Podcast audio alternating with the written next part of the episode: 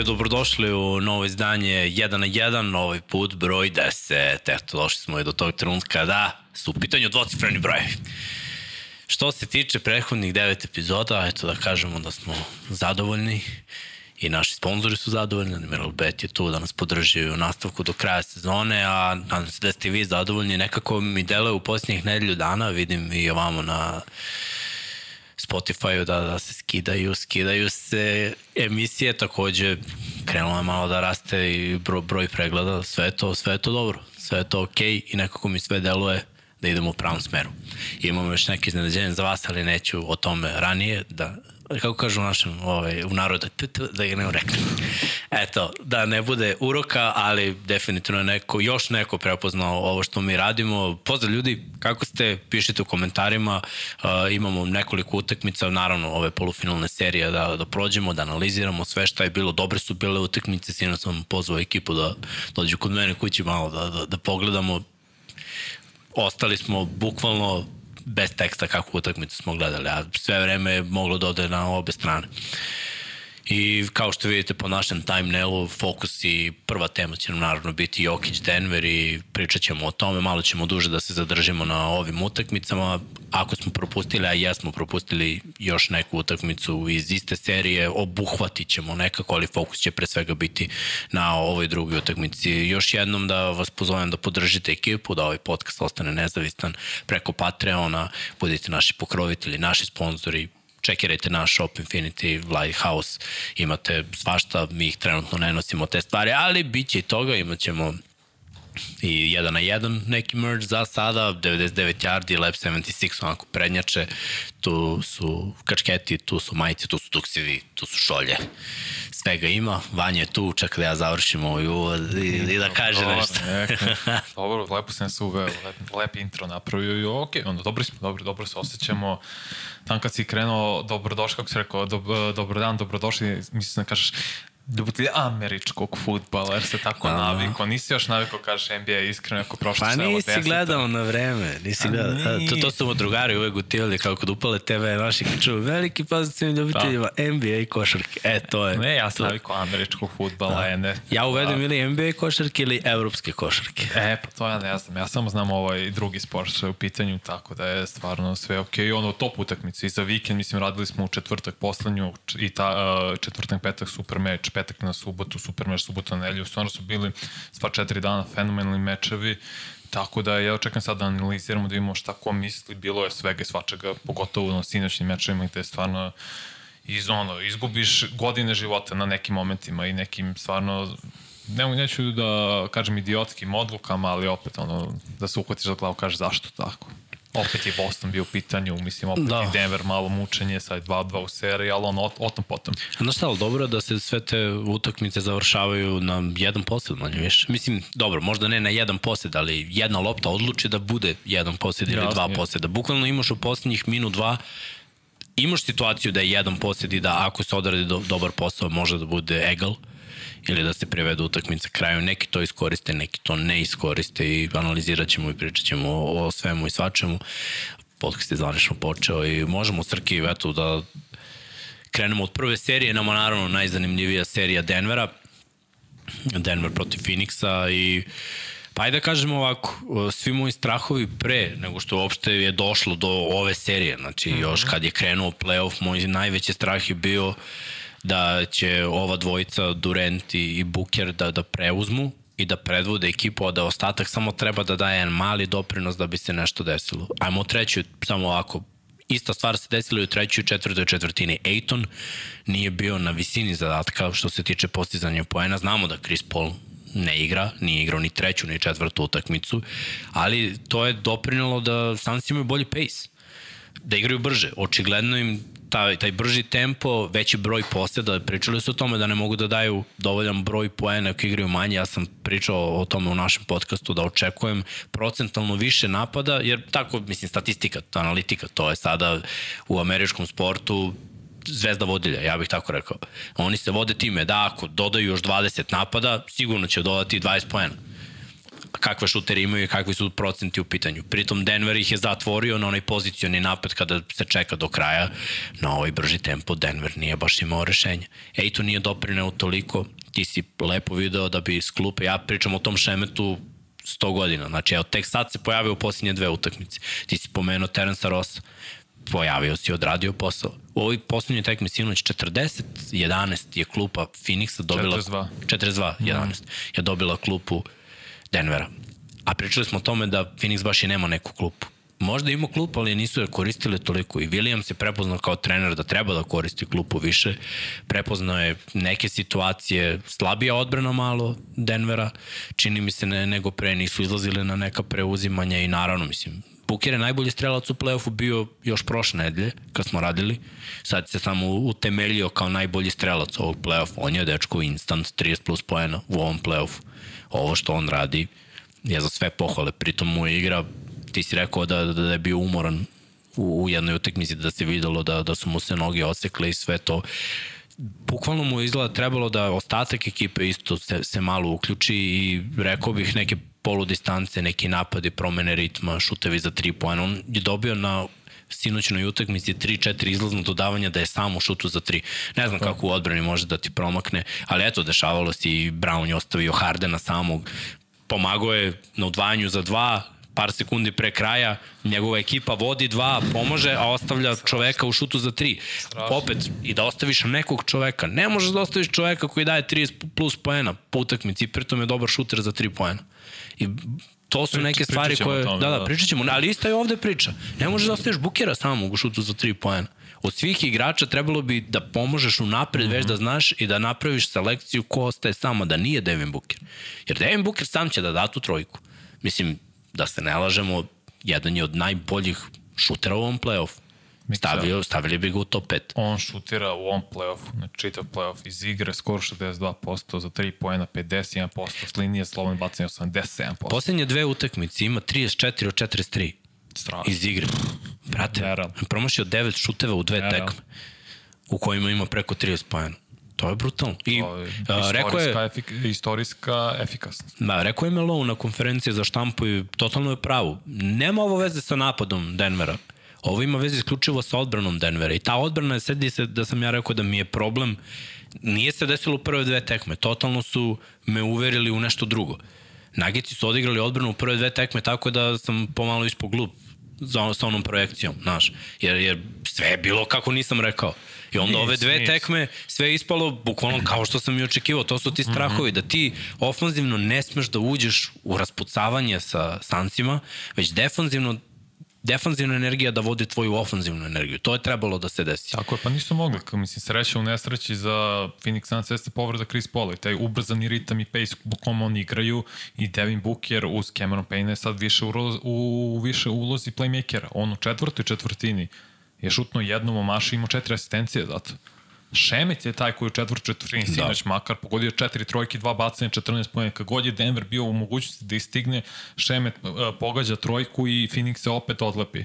Mislim, Booker, ono što radi, stvarno moramo, nemamo dovoljno reči hvale za njega tolika efikasnost u postizanju poena na svaki mogući način. On je stvarno jedan od najboljih poentera trenutno u NBA, jer to jeste imao otvorene šute, ali to su i teški šute, on i probija polu distance, distance za tri, iz driblinga, step, uh, iz catch and shoota, nevažno je, znači stvarno Buker na bilo koji način pogađa i ne pravi greške, dok s druge strane Torrent ima izgubljene lopte, sinoć je bio efikasan, treći meč je šutno 12 od 31, ali opet, obojice su oba meča, to je prvi put u NBA istoriji vezali da imaju minimalno 35 poena, 5 skokova, minimalno 5 asistencija.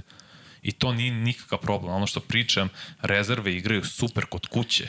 I to je razlika, jer za ove dva meča u proseku rezerve Phoenixa 32 poena s klupe, u proseku rezerve Denvera 15,5. I to je tačno ta razlika. Znači, i da ovi igraju ovako, a da nemaju rezerve, da nije imao Šemet 19 sa prve 7 utakmice u play-offu imao 17 čovjek, mislim što je suludo, Denver bi dobio. I plus imao šansu da dobije, im veliki problem što nisu svirali faul nad Jokićem, kad je bilo uh, ono podbacivanje na 120, 123 za Phoenix, Ejton se naslonio na njega. Ja mislim da ako je neko super zvezda, ako je neko najboljih igrača u ligi, on taj faul treba da dobije. Ne zanima me šta je, kakva je okolnost. to je gostovanja, znaš. Ne, opet, mislim, opet. I je, jesi primetio malo da suđenje jeste bilo na strani svake domaće ekipe? Jeste. U, u ovih posljednjih da, da. nekoliko dana. Da, da, jeste i mislim, moramo da se osvrnemo, osvrnemo i na ono moment kad je dobio tehničku Jokić. On nije trebao da dobio tehničku. Prvo, ono, vlasnik Sanci uzao loptu, Met Išbija i nije dozvolio da Denver krenu napad jer je imao prenos jer je Okogi pao. I on drži loptu, baca je tamo i šta Jokić zbog toga dobije tehničku jer ga je odgurnuo a ovaj prvi njemu stavio ruku, mislim, uopšte je sulude. Mislim no. da je Tony Brothers bio sudija, jedan od boljih što ljudi kažu u ligi, ali ono ne sme da bude tehnička Pa, brate, Tony i... Brothers koliko koju... god bio dobar, izvini, uvek je na štetu nekih timova sudio. Između ostalog Denver je jedan od tih timova. Da se razumem. Da, da, mislim, solo, baš ono, jer ubili su ritam Denvera tada. Ti si malte ne prekinuo 5 na 4 akciju.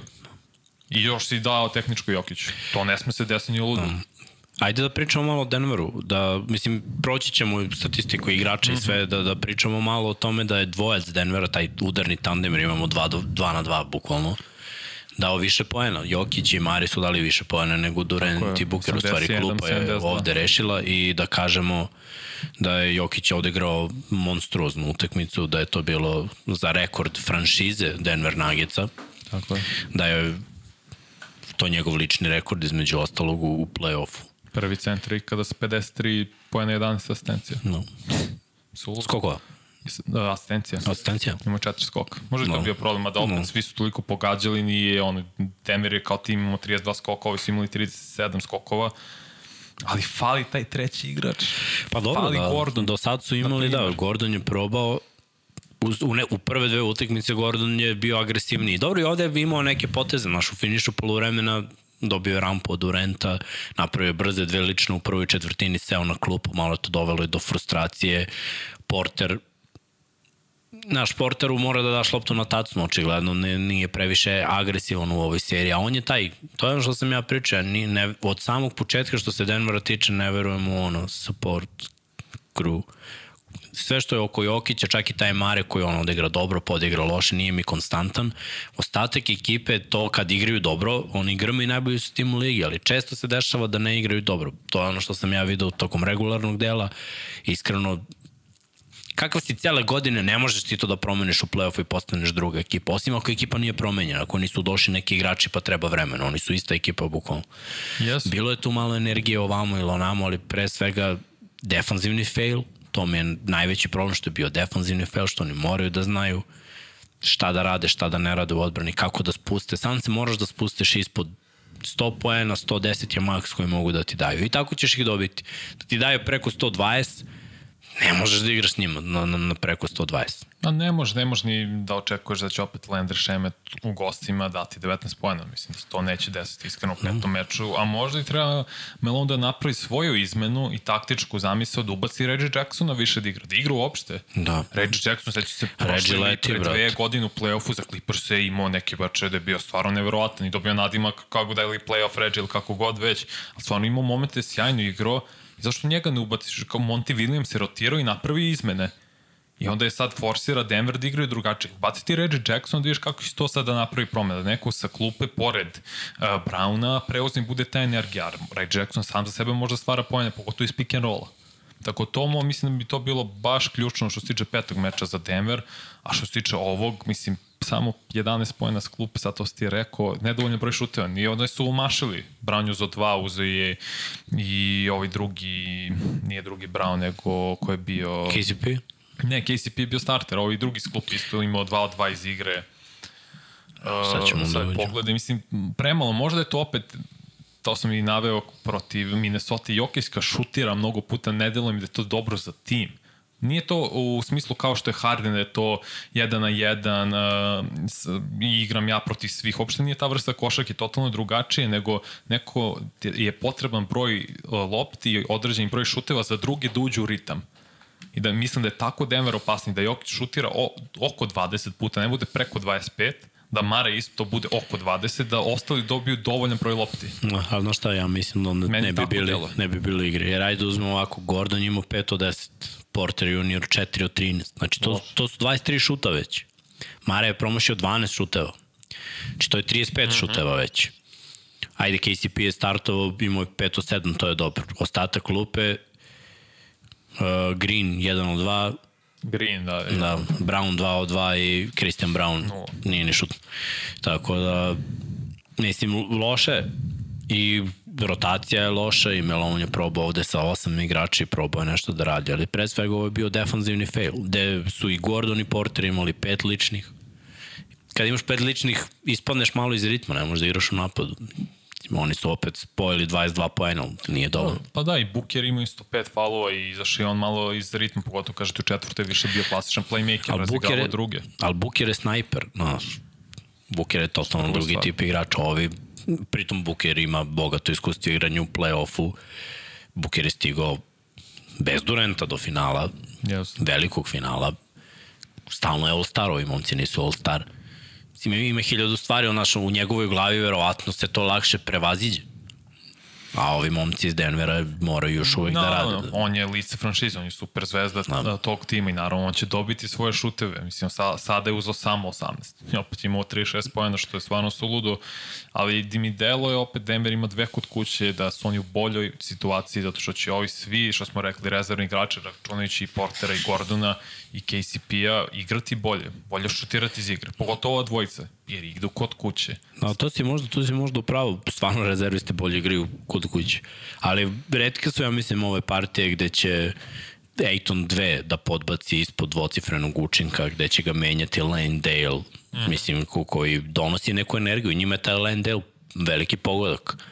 Što je Ejton manja na parketu, daje manje poena, ali ovaj Lane Dale igra odbranu bolje, imao je neke skokove, tranzicija, lagana Više polaganja. energije, Više Mnogo energije. Ejton i finesa. Da, bo, bolja ekipa igra nekako. Jeste. Ali da, definitivno taj šemet i neki koševi Rosa su, su promenili Mislim, ovu situaciju. I TJ Warren, ono bacanje na kraj, to treba stvarno da budeš hladnokrvan i da znaš da ti to, ono, ne osjećaš pritisak. Pogotovo Warren koji isto nije igrao neke mečeve, većinu mečeva zapravo je sedeo na klupi do sad u play-offu i on igra, ima dobru minutažu i pogađa bacanje na kraju. Znaš, i za to treba imati veštinu i kaže opet hladnokrvnost da uradiš i Monty Williams da njemu veruje u tom momentu. Ostani na parketu, pogodit ćeš sigurno, ako tebe budu folirali što jesu, on je pogodio oba bacanja.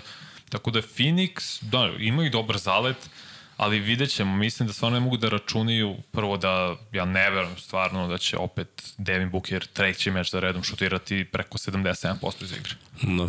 Mislim, stvarno, ja ne, ne mogu to da... Pa razumem da nije realno. Nije De, realno. Dečko grmi ovaj playoff. Ovo je njegov playoff. On, on i Butler su trenutno pa da kažemo najveće zvezde ovog playoffa.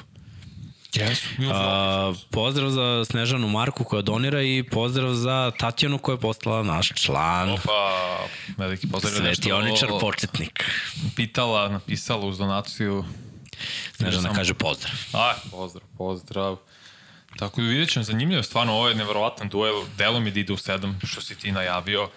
Ja sam mislio da će Denver moći makar jednu da otkine, što i bili su momenti u trećem meču i sad u četvrtom nekako da se prelomi na strani Denvera, ali kad imaš ovu dvojicu, mislim, super zvezda, pogotovo Durant neki šute koje pogađa ono preko grina, kad mu s ovom obe ruke bile u njegovoj faci, to ne možeš da No, braniš, pa to, faul, mislim, to su šutevi koji, koji se vežbaju. A Hail Mary?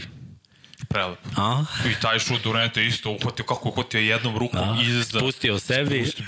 Namestio se i buć, brate, kao kap. Ne, ne, zaista stvarno neverovatno. Tako da je, je kad je, pe- peta je sutra uveče. Biće, biće neophodno, mislim da treba stvarno produži rotaciju malo uh, Mike Malone. Da ubaci Red Jackson, da da tu neku novu iskru i nešto novo što Phoenix do sada nije imao, jer su oni do sada uradili scouting za upravo prvo četiri meča na svih osam igrača, što je mnogo lakše, dok je Monty Williams pravio izmeni i svaka mu čast na tome, osetio je potrebu dao je Devin Bookeru loptu u ruke, kaže, budi ti playmaker, tu je Cameron Payne koji više služi kao jump shooter sada uhvati i stoji na 45, malo iz pika, ali Booker šta radi, mislim, nemam dovoljno reči hvale, stvarno, ono, prelepo je gledati kako on postiže poene. Jeste. Ta lepota, efi, efikasnost i s lakoćem kojom on daje poene je stvarno, stvarno redka. Young Kobe. Jeste, ima moment se podsjeća, da, da. A, ajmo, Srki, na sledeću seriju. Evo, najavit ćemo utakmice koje, koje se igraju i razmislit ćemo kada da radimo taj sledeći podcast, da vidimo da se što više utakmica odigra između. Svakako postoji šansa da, da se te šest utakmice igraju za vikend. To je on da padne petak petak, subota. Da. Ovaj, pa da, sad će ovih dana onda bude da biti pete, četvrte i pete, Četvrte večera su četvrte, pa su pete. pete, tako je, i Pa preko sutra, pete. da, i onda tamo idu šeste. I, mislim, A, možda šeste, vrlo verovatno četvrte. da, da će neka serija biti završena, ali Vidjet ćemo. neki neće. Uh, Lakersi, apsolutno dominacija, kao što ovde kaže naš naslov, Vanja je ovaj bio kreativan i bio u pravu zapravo. Ovo je stvarno bilo sramotno. Uh, pričali smo o AD-u u ovom play-offu, mm -hmm. tako. Kad god se on pojavi, ne samo on, on i DeAngelo Russell su ključni da Lakersi pobede. Znači, neverovatno mi je da zavisi od dva igrača, naravno nije tako, tu je cela ekipa koja treba da doprinese, ali čoveče, kada god njih dvojica odigraju dobro, oni su pobedili. Oni nisu izgubili ni jednu utakmicu kad su njih dvojica raspoloženi. I to je recept. Znamo da Golden State ne može da čuva, znamo da žive i umire od trojki.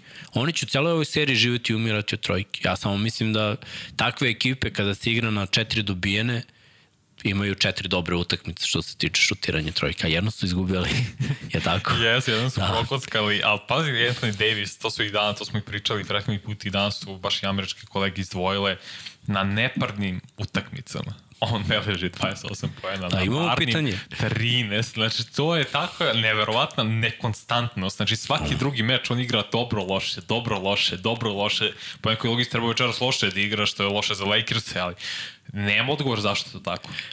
Evo imamo pitanje, zašto AD igra svaku drugu utakmicu? Borazeru ne znam. Ne zna niko. Ne znam, ne znam. Onda zna, ja mislim da bi on isto ispravio samog sebe, jer to je stvarno neverovatno. Ja razumem, ok, drugi meč... Da Ništa oni ne menjaju, ništa oni ne igraju u odbrani neko... Jamichael Green je startovao i to je malo iznenadilo. Mislim, to bio super potez i bio je spreman Green, ne znam koliko A ima Green je poena. igrao prehodnu utakmicu i dominirao, isto. Znači, sad je...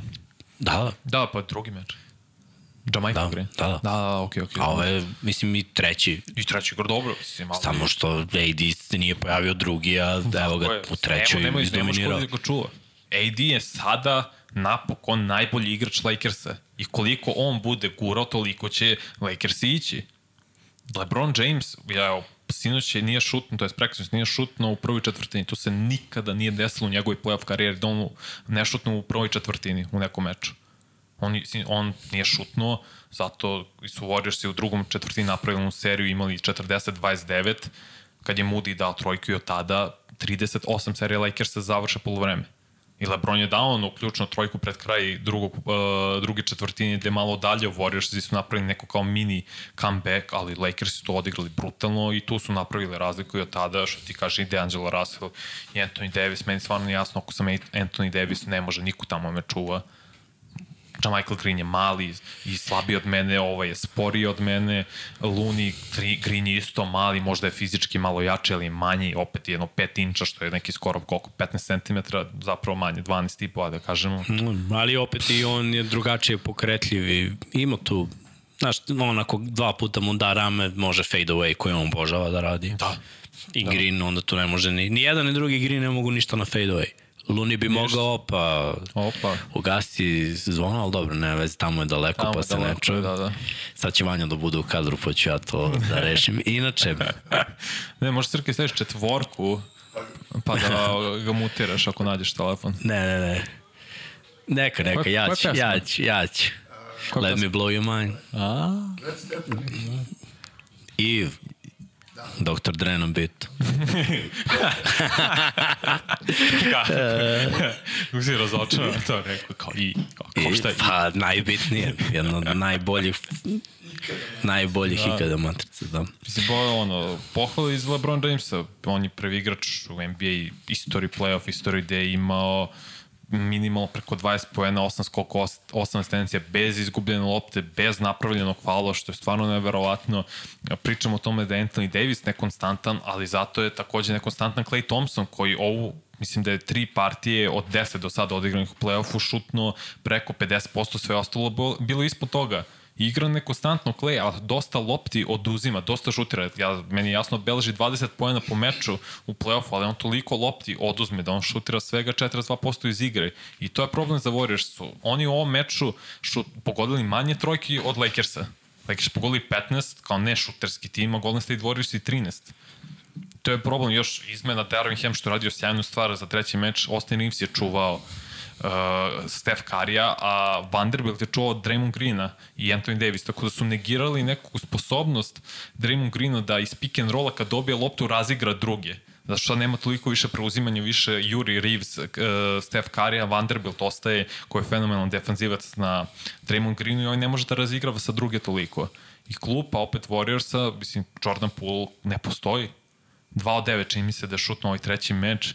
Moody je bio dobar, ali ne konstantno Warriors i slabaš, neko i to sam napisao i neko odgovorio na govorio sam nekom baš na, na prethodnom videu i dalje mislim da su Lakersi bolji tim, bolje odbrambeni, mnogo stabilniji i oni ako igraju svoju igru fizički nastrojenu, ne mogu Warriorsi da im pariraju. Jer to će zahtevati od Warriorsa da mnogo šutiraju s 3 pojena i da pogađaju. Ti si već rekao prvi meč kad su pogodili 21 trojku u ovih šest prokuskali su taj meč, Lakers su dobili i očekujem i da večeras Lakersi dobiju jer Anthony Davis, ne, on mora da ima minimalno 25 i 13 ili 15 skokova. To je minimalno. To je ono što Vanja očekuje od njega da. i to je ono što on mora da, da isporuči. Mada, istina, ceo ovaj playoff mi očekujemo od njega određenu stvari. Ako stvarno bude igrao na tom nivou, imaju šanse, ali nekako mi deluje da je ovo tekma gde će Boris je dati sve od sebe da izjednače.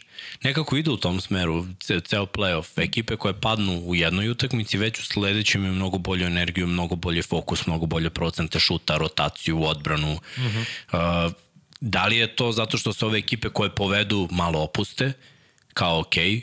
Mislim, Lakersi su uzeli break, pa su Warriorsi izjednačili, pa su Lakersi dobili, sad Warriorsi idu na break po svaku cenu. Ako bude 3-1 za Lakers, ovo je možda uh, jedna od najizvesnijih serija. Jer vodiš 3-1, treba ti još jedna pobjeda, njima trebaju 3. Mislim da Warriorsi ne mogu da vežu tri. Možda bi mogli dve, ali tri pobede da vežu teško. Ovo je iskusna ekipa, veteranska ekipa Lakersa, imaju svoj način, svoju mhm. -huh. igru, odigraće još jednu utakmicu kod kuće nakon ove sledeće. Mislim da bi moglo tu da se desi ako Warriors je dobio ovu 2-2, opet sve, se vraćamo na ono sve nerešeno, sve i dalje dve, otvoreno. Da, da, mislim, vidjet ćemo što s toga tiče. Ovo moram očekujem od Viginsa više. Opet, 6 od 11 iz igre je dobro, ali nedovoljno. On mora više da šutira. Mora nekako, ne, neću da kažem da se oduzmu kleju šutevi, nego da pronađu još više lopti za sve svoje zvezde, da Wiggins opet bude drugi najbolji igrač kao što je bio prošle godine u, u play-offu i pogotovo u finalu, da ne bude to Clay Thompson, ne bude to Draymond Green pool, nego to mora da bude Wiggins. Meni je jasno da u nekim momentima ne može jer nije igrao košarku mesecima zbog privatnih problema i tek sad krenu play-offu da igra, sve mi je to jasno, ali moraju da nalaze za njega mnogo lakše šuteve. Imao ono kucanje što je bilo brutalno stvarno nevjerojatno zakucavanje baš, baš proti Davisa, ali on mora da nađe svoj ritem, da bude konstantno agresivan, da ima svojih makar 15 šuteva iz igre. Steph Curry isto bio prosečan, mislim da imao 20 poena, mislim 3 asistencije. Cela, cela ova druga, ova treća tekma mm. bila prosek. Mislim, Wiggins 16, Steph 23, Clay 15, ali pazi, dva grina, 4 poena. 9 šuteva, Tako je. po jedan pogođen, klupa isto, Kominga 10 pojena doprineo i Peyton sa 8. A to je i Garbage najveći bio određen. Pool 5, brate. 2-9, kažeš, loš, loš. Ne može, ne može tako se igra protiv Lakers. A pritom Lakers ima sve ide. Znači, Schroeder je dao 12, Reeves 10, uh, D'Angelo Russell 21, on je važan. Lonnie LeBron Walker. 21, Davis 25. Jedino tu Vanderbilt malo podbacio, ali dobro, on je igrao neku drugu rolu ja, na ovoj utakmici. Lonnie Walker s klupa imao 12 pojena, isto čovjek kao Terence Ross i TJ Warren koji nisu imali maltene minute u prvoj seriji, u prvoj rundi. Eto, čovjek spreman. I to mi se sviđa kod takvih igrača. Ne igra, ali kad dobiju priliku su spremni da doprinesu. I Lonnie Walker je super atleta i možda je malo hiperaktivan, ali ako stvarno ga postojiš u dobru situaciju, ume baš dosta da doprinese. Još kažem ti, atlete može da igra odbranu. Trebao bi. Baš me zanima šta će to večeras da bude. Večeras igra ta utakmica. Šta misli koji ste ključevi? Četiri ujutru za Warriors. Ključevi bolja, bolja timska odbrana, udvajanje Antonija Davisa, da ga nateraš da izbacuje loptu s polja. Uh, ne verujem da Lakersi mogu da budu konstantni u šutu za tri pojena svi. Uh mhm. -huh. Znači nekog će da ide, ali uglavnom imaju dva igrača raspoloženo. Lebron loš šutira trojke ceo playoff. Znači samo treba naći jednog od ovih kome ide i fokus da bude više na njemu i da se ostavlja sam neko ko ne pogađa. Znači samo da ne bude Davis dominira iz reketa. A oni više kretnje, I bolji procenti šuta, mada znaš, kod njih je to, oni su hladni i, i vreli. Tako igraju. Ovo nije njihova godina. Mislim, znamo to, svesni smo toga. Samo da. kad se upale, svi smo svesni da Warriors mogu da pljusnu 40 pojena u četvrtini. Samo im treba onaj njihov mod. Samo jedan switch mali i tu ulaze šutevi preko ruke, van balansa, šta god požele, sloga, bukvalno, da, da se vi šutiraju sve će da im uđe. Da, i on još jedan detalj, Lebron je samo šutno četiri trojke i prethodni meč. Da. Što je sjajna stvar, više išao i na prodor više delio drugima, ne mora forsira šuta trio. Baš tako. Uh, Srki, možemo dalje da idemo. Sledeća serija, malo se selimo na istok je Ajde, možemo okrenemo od ove poslednje. Kaže, meni je ekipa bila sinoć, malo smo uživali, ovaj, gledali celu ovu utakmicu. I sve vreme je vodila Fila. Mislim, Fila je imala najveću prednost u ovoj seriji, Fila je imala u ovoj utakmici. Došli su do plus 8. Onda kad tako kažeš da je plus 8 najveća prednost za Filadelfiju na ovoj utakmici, a Boston je vodio 40 razlike, mislim da je svima jasno ko je ovde bolji tim. Tako je. Pritom, Embiid opet dobija veliki broj prekršaja opet flopuju i oni Harden, ne znam ko je gori, užasno mi je da gledam ono, ali Max je počeo. Ali ovaj kada Max igra u vrhunsku utakmicu, on s njegovom brzinom i nekim rešavanjima I tačno u jednom trenutku, ja sam sve vreme čekao, bilo je 14 razlika, ali sve vreme sam čekao, sad će Boston, sad će Boston, ovo se okreće, ovo je NBA, ovo se okreće u 3-4 minuta. Ulazi Al Horford, kraj utakmice, tri banane on, 3-4 imao Tatum. 4, da, 4-4. Ali u jednom, da, ono, Aha, da kažemo, vremenskom periodu, da. to, to je bilo nemoć Filadelfije. I kreće malo da, da igra Boston. Dolaze do izjednačenja, dolaze do prednosti.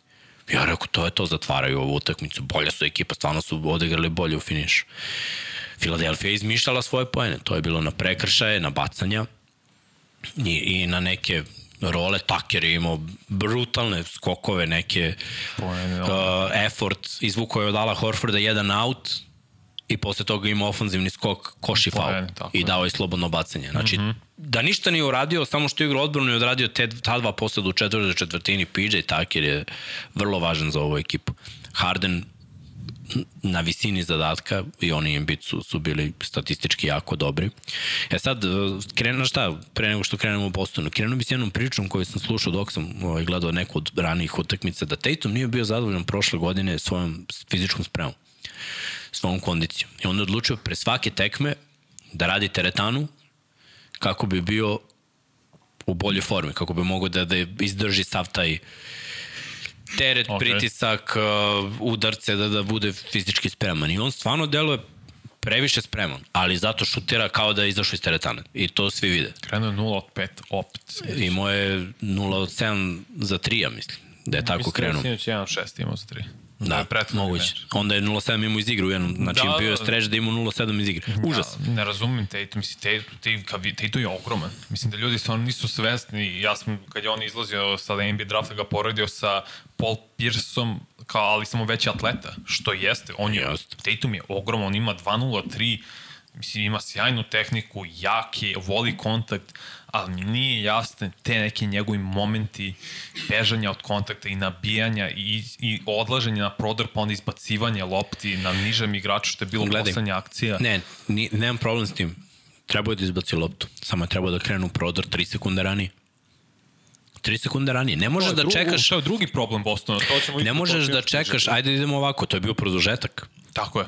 Znači oni su imali vrhunsku akciju za kraj utakmice. Prvo su ispustili prednost, ajde da se razumemo. Znači, A, vodili su pet razlike. 100 uh, u četvrtoj četvrtini. U četvrtoj četvrtini. 102 minuta. Dozvolili su da se vrate i da izjednače rezultat. I opet si imao poslednji napad, nisi tražio timeout, iskreno ne znam što, ja bih kao trener tražio timeout, posljednji taj timeout. Ja razumem. Ali kažem... okej okay, i da kažem da nije zatražen, znaš šta ćeš da radiš, da ćeš loptu Tatum, on će da ide na penetraciju, ući će u reket, on će da skupa, on će da izbaci pas. A znaš zašto ne traži timeout? To je Mazula objasnio još prethodnih meča protiv Atlante. On daje svom timu slobodu da oni procene i odrade šta bi bilo najbolje da se uradi određeni momenti. Nemam Samo nikakav... Da, da, zašto. Znam zašto. Samo, okay. eto, ja bi u tom timeoutu napomenuo, ajde, može jednu utakmicu da ne završi Marku Smart, bez obzira što Bravo. ja njega najviše gotivim. On Bravo. je radilica srce ove ekipe, sve je to u redu. Ali, brate, Ako imamo Browna koji je dao 12 u prvoj četvrtini i koji deško se sakrio u drugom polovremenu da bi se Tatum raspucavao, ne znam zašto Brown je bolji poenter. Brown igra bolje ovu seriju. Brown ne da igra ovu seriju, Brown igra bolje ovaj play-off. Pritom Brown rešava svoje situacije. Kad je samo u šutu za tri, on će da pogodi. Kad krene na ulaz, ima bolji balans, bolju, bolju završnicu nego Tatum. Pritom bolje šutira penale od Tatuma. Tatum kao da izašao iz teretanom, tako šutira na ovu temu. Zašto je rekao, što si stvarno, no, ja, ja to nisam znao, to si super i video i pročito, ali Brown u četvrtoj četvrtini i produžetku je šutno 1 od 3 ne može, i to nije šutno poslednjih 5 minuta. Pa Ćoškario je, brate, sklonio se. Ne znam. Ne znam sklonio se zato što ne, ne lopta je kod Tatuma. To je glup, I Tatum radi, glupost. Tatum kreira. I neke stvari je kreirao dobro, neke stvari nije. I taj posljednji napad u regularnom delu mi je bio okej, okay, taj izlazni pas je bio dobar. Da ne pričamo o onoj prethodnoj utakmici, nego samo se držimo za ovu. Šta je bila poslednja akcija, samo me podsjeti? Znam da je Penetracija Tatuma i izbacivanje, u... tako je, na 45 stepeni. Smart potpuno sam, dve trojke odatle pogodio prethodne. Nas nami. Sa iste pozicije, pod cepovom mrežu, poslednje dva šuta sa iste pozicije. Sad je skratio šut. Mislim, lepa bila mehanika šuta je bila okej, okay. nije on nešto neprirodno šutno. Šutno je, yes. samo je verovatno, znaš, Smart verovatno nije toliko klač igraš da reši to. Kao što nije bio ni onoj utakmici kao koju su izgubili. Tako je. Drugoj utakmici. Tako je. Prvoj. Prvoj. Prvoj. Evo, ajde samo to da uporam. Znači, bilo četiri utakmice, ali tako? Da. Dva, dva je. Prva utakmica Boston gubi na svoju glupost Brogdon do Meksija, posle Harden postiže šut za pobedu. Smart, Smart ima loptu. loptu gubi, ne znam šta je teo da uradi, ne znam zašto njemu loptu Teo da doda Tatum. Drugi meč, Boston ubija Filu, bilo u jednom momentu, sam se rekao, skoro 40 razlike, na kraju bilo 34. Treći meč, isto dvocifrena prednost za Boston, sinoć isto Boston može da pobedi. Opet, ne, stvarno imam problem što Smart završava pored Brauna zdravog i Tatuma zdravog, znači pre bih Tatum da šutne preko dvojce, da ide u Embiida na dvokorak, zaista me ne zanima, nego da, bra, da vraća loptu dva puta, znači ne jednom, nego dva puta i u produžetku vraća loptu Smartu za tri poena. I to što oni kao igrači nisu dovoljno svesni, prvo kako idu u poslednju akciju u produžetku, ležerno, Smart kreće, A umesto da budeš svestan, ok, daj da šutnemo i da imamo priliku za ofanzivni skok eventualno, da imamo još jednu šancu, ako ga i foliramo, da imamo još jednu šancu za po, za poene neki da pobedimo, on ležerno, Tatum dobija loptu tek 7 sekundi pre kraja meča. Super je pik, imao je Meksija, uđi u njega, šutni preko njega i Tobias Harrisa, stvarno me ne zanju, nema nikakav problem nego da izbacuješ za Markus Marta nema vremena no. za to nejasne Boston zbog svoje ležernosti, ja zato imam problem s njima. Sad, zbog svoje ležernosti oni gube mečeve. I zbog svojih nekih uh, ubeđenosti da su mnogo bolji od svih. Ja, nisu klinci. Nisu. Ja sam to tolerisao do nekle kad sam radio playoff, još je bio na sport klubu NBA mi smo radili i tad mi je bilo ok, vidi se talent, ali zeleni su, još su mladi, treba još da se sazreva i tako dalje. Sad više nisu klinci, znaš, sad imaju bogato iskustvo, prošle godine su bili u finalu, muče se bespotrebno, ove utakmice su sve dobijene utakmice koje oni gube. A kada dobijaju, oni pre, ono, unište protivnik, oni uništavaju kad pobeđuju, a imaš ove utakmice gde odigraju baš loše. I to, totalno su mi poremetili ono, ono što smo ti ja projektovali kad smo videli playoff kostu, jer su oni igrali u finišu sezone tu pobedničku košarku gde ponižavaju protivnike. Onda smo mm -hmm. sad mhm. videli jedan totalno drugi Boston za koji ja ne verujem da može da osvoji. Jeste. Mislim da je prevelika razlika između njihovog dobrog dana i lošeg dana. To bi trebalo da budu nijanse, znaš za, za pobednički tim, po, po nekom mom razmišljanju. Kapiram, prevelike oscilacije i stvarno i, i da vratimo napad pre toga, Brown bez ikakvog razloga pomaže na Embiidu. Ne, ne, to je, ajde, ajde, uzmemo to, uzmemo to, znači, pro, produžetak smo, u produžetku smo. Vodiš dve razlike. Ja ne znam za, zašto, ja, neko, prvo to je zvezda, to je igrač koji bi trebalo pametno da razmišlja. Ja iskreno ne bi ostavio ni Enga, PJ Tuckera, nikog od njih ne, vodim dva razlike. Embiid ima loptu na niskom postu. Ja prvo ne znam, nisam video, ne znam zašto je na Tatum uopšte uzao Embiida. Ne, ajde, bilo je mnogo preuzimanja na tekmi i nebitno, čak i da ga je uzao, kogod da ga je uzao, kako god da je bilo. I jesi ti strana pomoći, u teoriji. Ali, brate, imamo posljednji napad. Embiid dobija loptu. Šta god da se desi u tom napadu, Embiid će ili da da koš, ili će da dobije bacanje, jer to je Embiid, ili će da bude pametan i da isplaci pas što je radio celu ovu tekmu. On je celu ovu tekmu imao, izgubio se u onom jednom periodu kada ga je Horford izblokirao dva, tri puta, jer je želeo on da šutira. Imao je tri, četiri puta opet izlazno dodavanje. Sami ljudi bleje s rukama ovako i čekaju da dobiju loptu s polja za otvoren šut, ne on ide fade away njegov. On bukvalno ili nema tako kolena. Nešto. On nema tu eksplozivnost da lepo ide do kraja, zato što mu povređenje. To je A, svako brate, dan što ne znam. jedan od šest u četvrtoj. Mislim, ja verujem da je to razlog. Ja imamo verujem da je 3-4 razlog zašto je sebičan, takav, takvi su, takvi su i on i, i Jeste, Harden. To, ali- to je broj jedan, pa onda su povređeni. Da se vratimo na ovo. Zašto pomažeš? I da nerešeno. Nema bilo. pomoć, ne, to je jako glup potez. Pritom pomožeš sa, na, sa čoveka koji daje 40 plus, čoveka koji pogađa trojke, koji je u zoni. Harden je odigrao doktorski, mislim, Harden je odigrao kao u onim danima, on je jako težak, to, to sam ja pričao, ja njega ne volim njegov stil igre. Ali ja, da, da me pitaš kako da ga čuvaš, ja ne bih znao da ti kažem odgovor. Zato što on sve ima. Ti ga pogledaš njegov skill set, sve što on ima, šut iz driblinga, step back. Prikrivanje tog step backa pa gurne loptu napred. Ne znaš da li će da probije s leve ili desne strane, jer jako brzo može da pomeri loptu iz kogod ćeš driblinga, da li prednja promena, da li kroz noge, da li zadnja, sve to može da uradi. Pritom, jako dobro uvaljuje svoju ruku, još je levoruk, Da. ili će da ti izvuče faul za rič, ili će da ti uvali rame, ako te prođe, on te ostavi na leđima jer je dovoljno je krupan i jak da te ostavi na leđima i da, i da ima završnicu. I zna da asistira i koristi i to. Njegov floater i lob su elitni. Znači ti ako ti on prođe i centar ako izađe da pomogne, za njega je deli sekunde da odluče da li ide floater ili ide lob za centar. Što je mnogo lako da igra, on igra igricu. I imao je te promene ritma. Vrhunsku partiju je pružio. Vrhunsku. Pre bi pustio Embidu da da tu dvojku, Tako da bude nerešeno, ili mi pobeđujemo, ili idemo u drugi produžetak. Jasno. Zašto bi po, šut iz kornera je najlakše šut. Naročito u NBA-u. Prvo korner je kraći. Nije 7.45 kao sve druge trojke. Bliže. Mi, amateri, bolje bi šutnuli iz kornera nego sa bilo koje druge pozicije. Znači, samo treba šutneš loptu ravno. A pogotovo Harden koji je bre... Harden je doktor, Do tom meču, do tom momentu imao 4 od 7 za 3. Najbolji mi pet 39 najboljih, poena. pet najboljih trojkaša u, u posljednjoj deceni u NBA. Je Harden u top 5. Trebao bi. Jeste, brate. Ne možeš da ga ostaviš samog da rešava tekmu.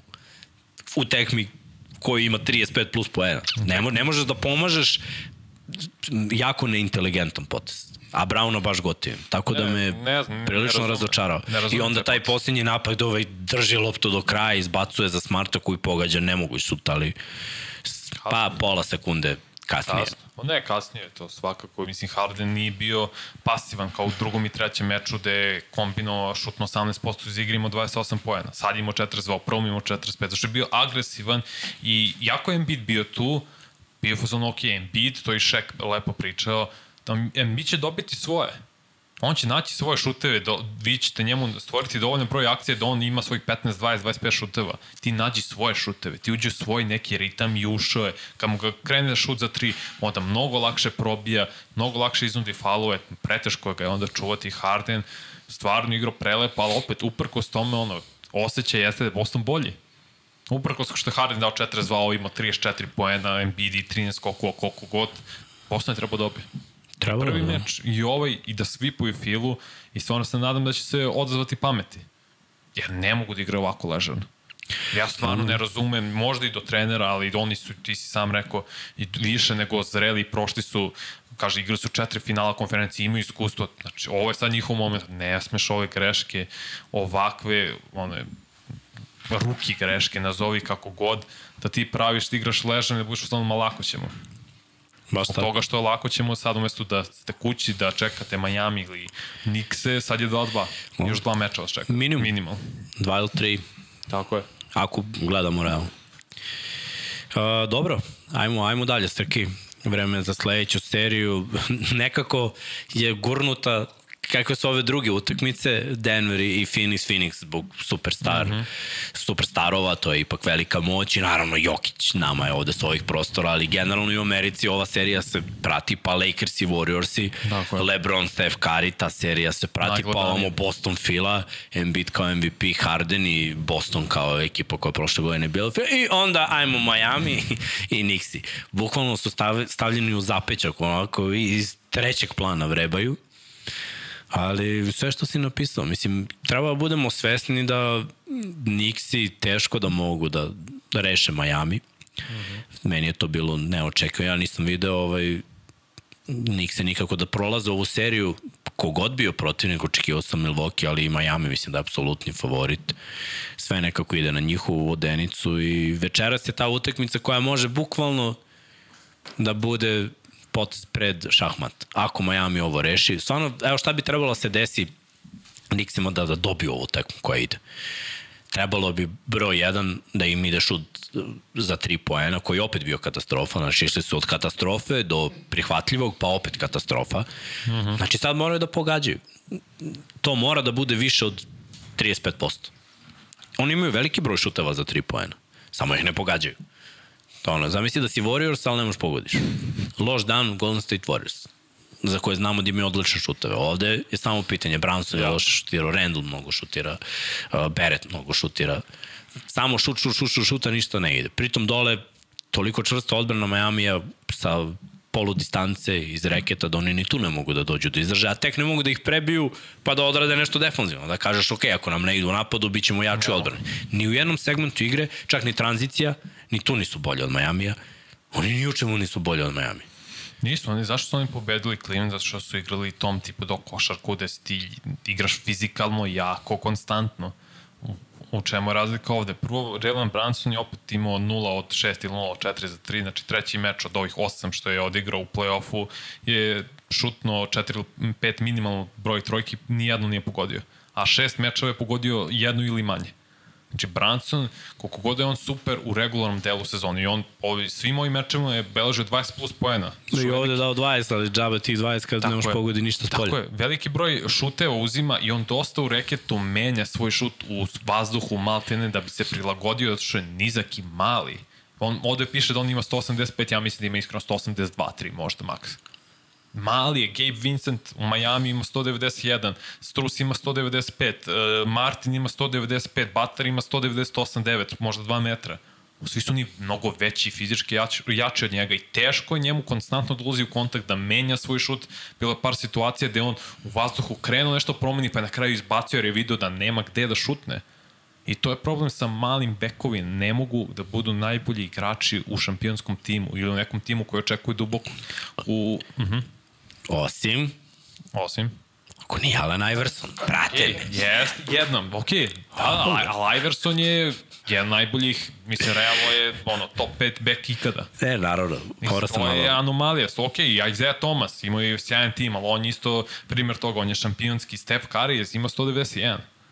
A Steph Curry sada sa 34 godine napokon ima što ono muško telo, jak je. Nije kao pre 5-6 godina kad su osvajali prve godine da je on bio malo mršaviji i, i bio mu težu reketu. Opet je postavio pojena, sad je jači, sad može ljude da drži na ramenu. A Branson ne može jer je mali za ove. Opet Jimmy Butler vezo je 9 meča računajući prošle godine da u play-offu kad igra ima minimalno 25 pojena. Mislim, to je zulud. Kogod da se Jimmy Butler igra na vrhunskom nije uz povređen zglob on je prosto fizič, fizički jači, nije on nije sad šutirao dobro iz igra, ali neke šutuje, pogotovo ono preko harta što je bilo, uz faul na kraju merča. Energija, on kad se pojavi, to ono, da ide igra loše, ekipa je uz njega tako i čini je. ekipu bolju. On kad nije igrao, oni su izgubili, je tako? Da, da. No, to on sve govori. Ajde ovako, da pričamo malo o procentima šuta individualno. Uh mhm. -huh. Randall 4 od 15. Branson 7 od 20. Hart 5 od 12. Barrett 5 od 16. Quickly 4 od 12. Ajde, samo ovako, nabrao sam petorku, bukvalno.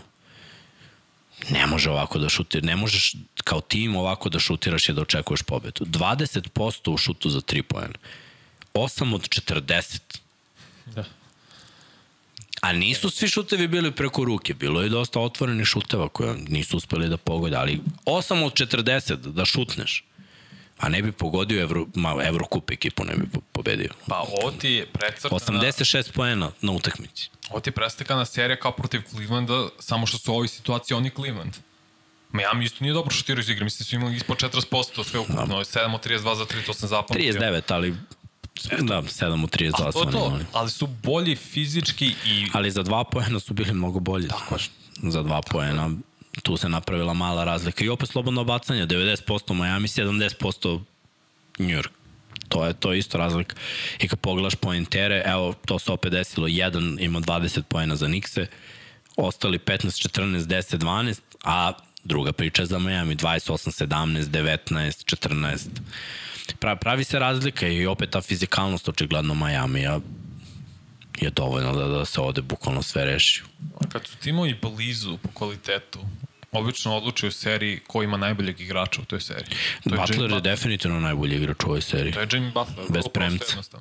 Bez Drugačije je kad je u pitanju Boston i Fila, gde su realno Embiid je najbolji igrač, ali povređen, gde Tatum igra ispod proseka. To već, pošto su jednaki maltene, sitnice do, do, dovode u pitanje ko će pobediti. Pričali smo na početku, ko su najbolji igrači ovog play-offa?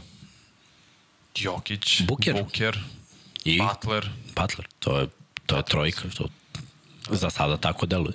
Ako pogledamo sigurnost u igri, procente šuta, na svakoj su utakmici skoro, eto Butler je propustio yeah. malo, ali šepao je drugu, ali bio tu na terenu i odradio dovoljno. Ali zato njihove majestralne partije, kad su, to je nestvarno, to je kao da gledaš all-star igrača u Eurokupu, bukvalno. Da, to, toliko je jasno. Šta mislim, šta možem, šta mogu Nixi da urade bolje od Ništa. četvrti meč? Da pogode trojke.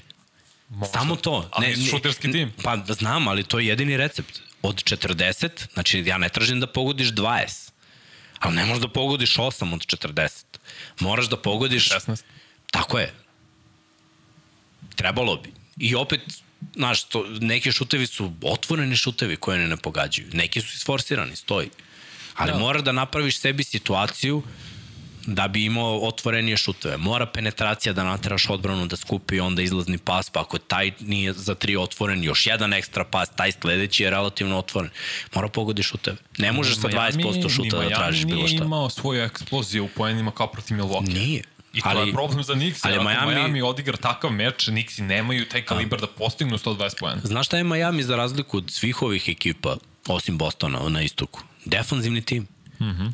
Prvenstveno defanzivno orijentisan tim. Boston ima šut za tri, oni za razliku od Miami imaju taj spread i oni prangijaju mnogo trojki. Samo što imaju igrače koji pogađaju više. Čak i kada im ne ide, oni nastavljaju, oni veruju u taj svoj recept i na kraju se desi da krenu da ulaze trojke. Miami nije šutarska ekipa. Oni su defanzivna ekipa koja igra iz tranzicije, ekipa koja te prebije i tako te dobije. Oni su prebili Milwaukee. Butler imao neke šuteve, ali to imao jednu utakmicu gde je šutirao trojke vrhunski. Nije imao sve utakmice. Oni su očistili Milwaukee. Najbolji tim na istoku. I sad će da... Koliko je bilo protiv Milwaukee? 4-1. Vrlo verovatno i ovde 4-1. Znači imaće 8-2 u play-offu, a Boston je izgubio dve tekme od Atlante. Jedino je Fila imala sweep, sad su izgubili dve tekme od File, ako budu dobili Filu, verovatno će biti 4-3, to ono što smo i prognozirali. Znači oni će da, da se raspanu dok dođu na noge Miami. A potencijalno Hero će na se vratiti. Na noge vide Miami kod da, njih, ali... Ali kažeš ti, potencijalno Tele Hero bi mogao da se vrati. Mislim da negde sam prošao da mu gotovo sezona, negde da nije još. Mm. Ali od, najbolji njihov šuter ne. Jeste, sve, sve stoji. Samo očekujem moment kad Miami jednom eksplodira protiv Clevelanda, kao što radi protiv Milwaukee, protiv, izvini, e, Nixa, kao što su radili protiv Milwaukee, jer to se do sad nije desilo. A očigledno iz nekog razloga su sposobni i Strus i Kevin Love da uđe lepo u šut i svoj neki ritam i Caleb Martin i Gabe Vincent. Ali oni su isti, po mom mišljenju, osim Lava, Lav je tu osjećaj lik, mm. kao i Duncan Robinson. Bravo, još jedan. Kad ide, ide, kad ne ide, ne ide. Ja sam radio Duncana Robinsona u njegovim prvim sezonama. Prva njegova sezona, prva šansa u NBA-u koju je dobio On je prve dve, tri utakmice bio toliko loš da ja ne znam, da nisam znao šta je radio na koleđu, mislio bi šta ovaj dečko radi. On je šutirao tako 0 od 5 prvih nekoliko tekme. Ali su ga bodrili svi trener, naročito, šutiraj, ti si šuter, šutiraj. Kad ti je lopta u tvojim rukama, ti si sam, šutni. Nemoj da gledaš da dodaš, šutni. Jedino tako ćeš uraditi na što NBA. I onda se desila ona godina kad je on zapravo krenuo da prangija i da pogađa, jer ti šuteri kad pogađaju, oni veruju da rade nešto dobro, onda nastavljaju. Kada ne pogađaju, Robinson imao 0-6 isto na jednoj utakmici u seriji. Ja, drugo je imao bi... protiv Milwaukee koliko 6 od 8. Tako je. Jedan dan mu ide, drugi dan mu ne ide. I to je Miami zapravo. Treba da biće zanimljivo videti, ali sumnjam da Nixi mogu bilo šta. Baš, baš me zanima da vidim večeras. Eto, ta utakmica počinje nešto ranije. Pa ćemo ovaj, imati priliku 1.30, eto, O, mogu, lep, lep, lep, mogu lep, malo da lep. pogledam, da vidim šta se tu dešava, mada dosta nam je ova serija.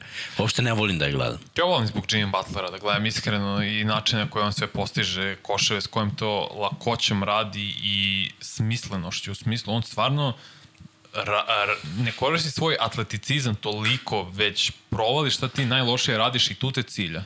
Ajmo malo ulaz, ok, sad više ne ide ulaz, ajmo sad polu distance. Ako treba trojka i uzet ću dve ili tri, pa da vidimo da li ide ili ne. Ako ne ide, vratit ću se onome što najbolje radim, idem do kraja, jači sam fizički od tebe, unesem svoje rame i stvarno nalazi najlakše načine da postiže pojene. Nije kao, ne znam koga to poredio, kao Ja Morant koji koristi samo atleticizam, da dođe do koša, da lebdi sve to, ono, ne zanima kako šta, ne, ovo je smisleno, će no. postići pojene da se što manje umori, da ne, ne troši sebe. Pa i nije prva godina, znaš. I opet Jimmy je, po mom mišljenju, još od dana u Čikagu, mm -hmm. primarno defanzivni igrač, koji onda nakon Yes. toga nalazi svoje ofanzivne post. Taj Chicago mi je bio, ba, za njih sam baš navijao.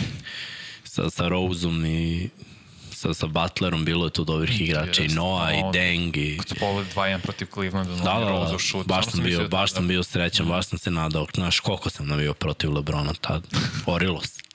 Čekaj, moje pitanje, što se čuje ovo sve vreme? Ne znam da li. Neko usisao. Jel da, to sivač? Ja bih rekao ili usisivač ili neki autobus nam turira ovde dole, ali dobro. Ne ide to u mikrofon. Jel? Možda Ja? da, možda i Ovo ovaj komp. Znaš da mi Da, deluje da je komp? da. Pa dobro, Jel da, a? malo Ja, pozadin, pozadinskog fena. Vole ljudi. Ovaj, dobro, ajmo Srki, to smo prošli, idemo dalje, idemo na playoff kostur. Ako može, evo ga playoff kostur, možemo da pričamo o tome. Vidite kako se sve dešavalo u ovom play-offu. Definitivno, kada pogledamo čitavu ovu seriju, Koji?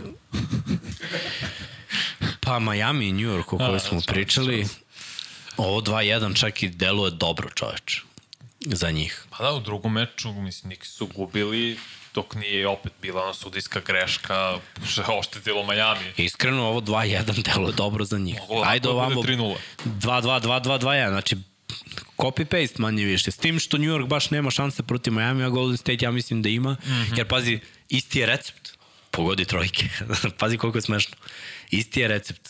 Pogodi trojke. A, kada to je Doc Rivers, to se njemu prepisuje. da je Za on to Boston i rekao. Denver igraju odbranu, igraju timski i završi utakmice, a ovamo pogodi trojke koje šupneš. Da, sviđa mi se. Ono kažete ovo što sad kažem, to je Doc Rivers to prepisuje, ono, it's a make or miss league. To je zapravo je pogodi promaši liga. NBA Mhm. u suštini. Što je, mislim, vrlo jednostavno, ali opet vrlo lepo rečeno. Pogodiš, pobeđuješ, ko promašuješ, manje, manje su ti šanse znatno. Da. Dobro ljudi, uh, ajde da kažemo da smo prošli sve i da se posvećujemo vašem segmentu, to je pitanje i odgovori, pa vi pucajte, mi smo tu spremni da odgovaramo na sva vaša pitanja. Vidimo ovde u dopisivanjima da Koliko ima ljudi u live-u? trenutno 262. Mogli bi malo lajkove da pojačamo, 112, Ajde, nismo ni na 50%, bukvalno malo smo bolji od Nixa, ali nije to dovoljno dobro. Moram, moramo da udarimo, ajmo ljudi lajkove. Čekaj, moram ja da udarim lajk.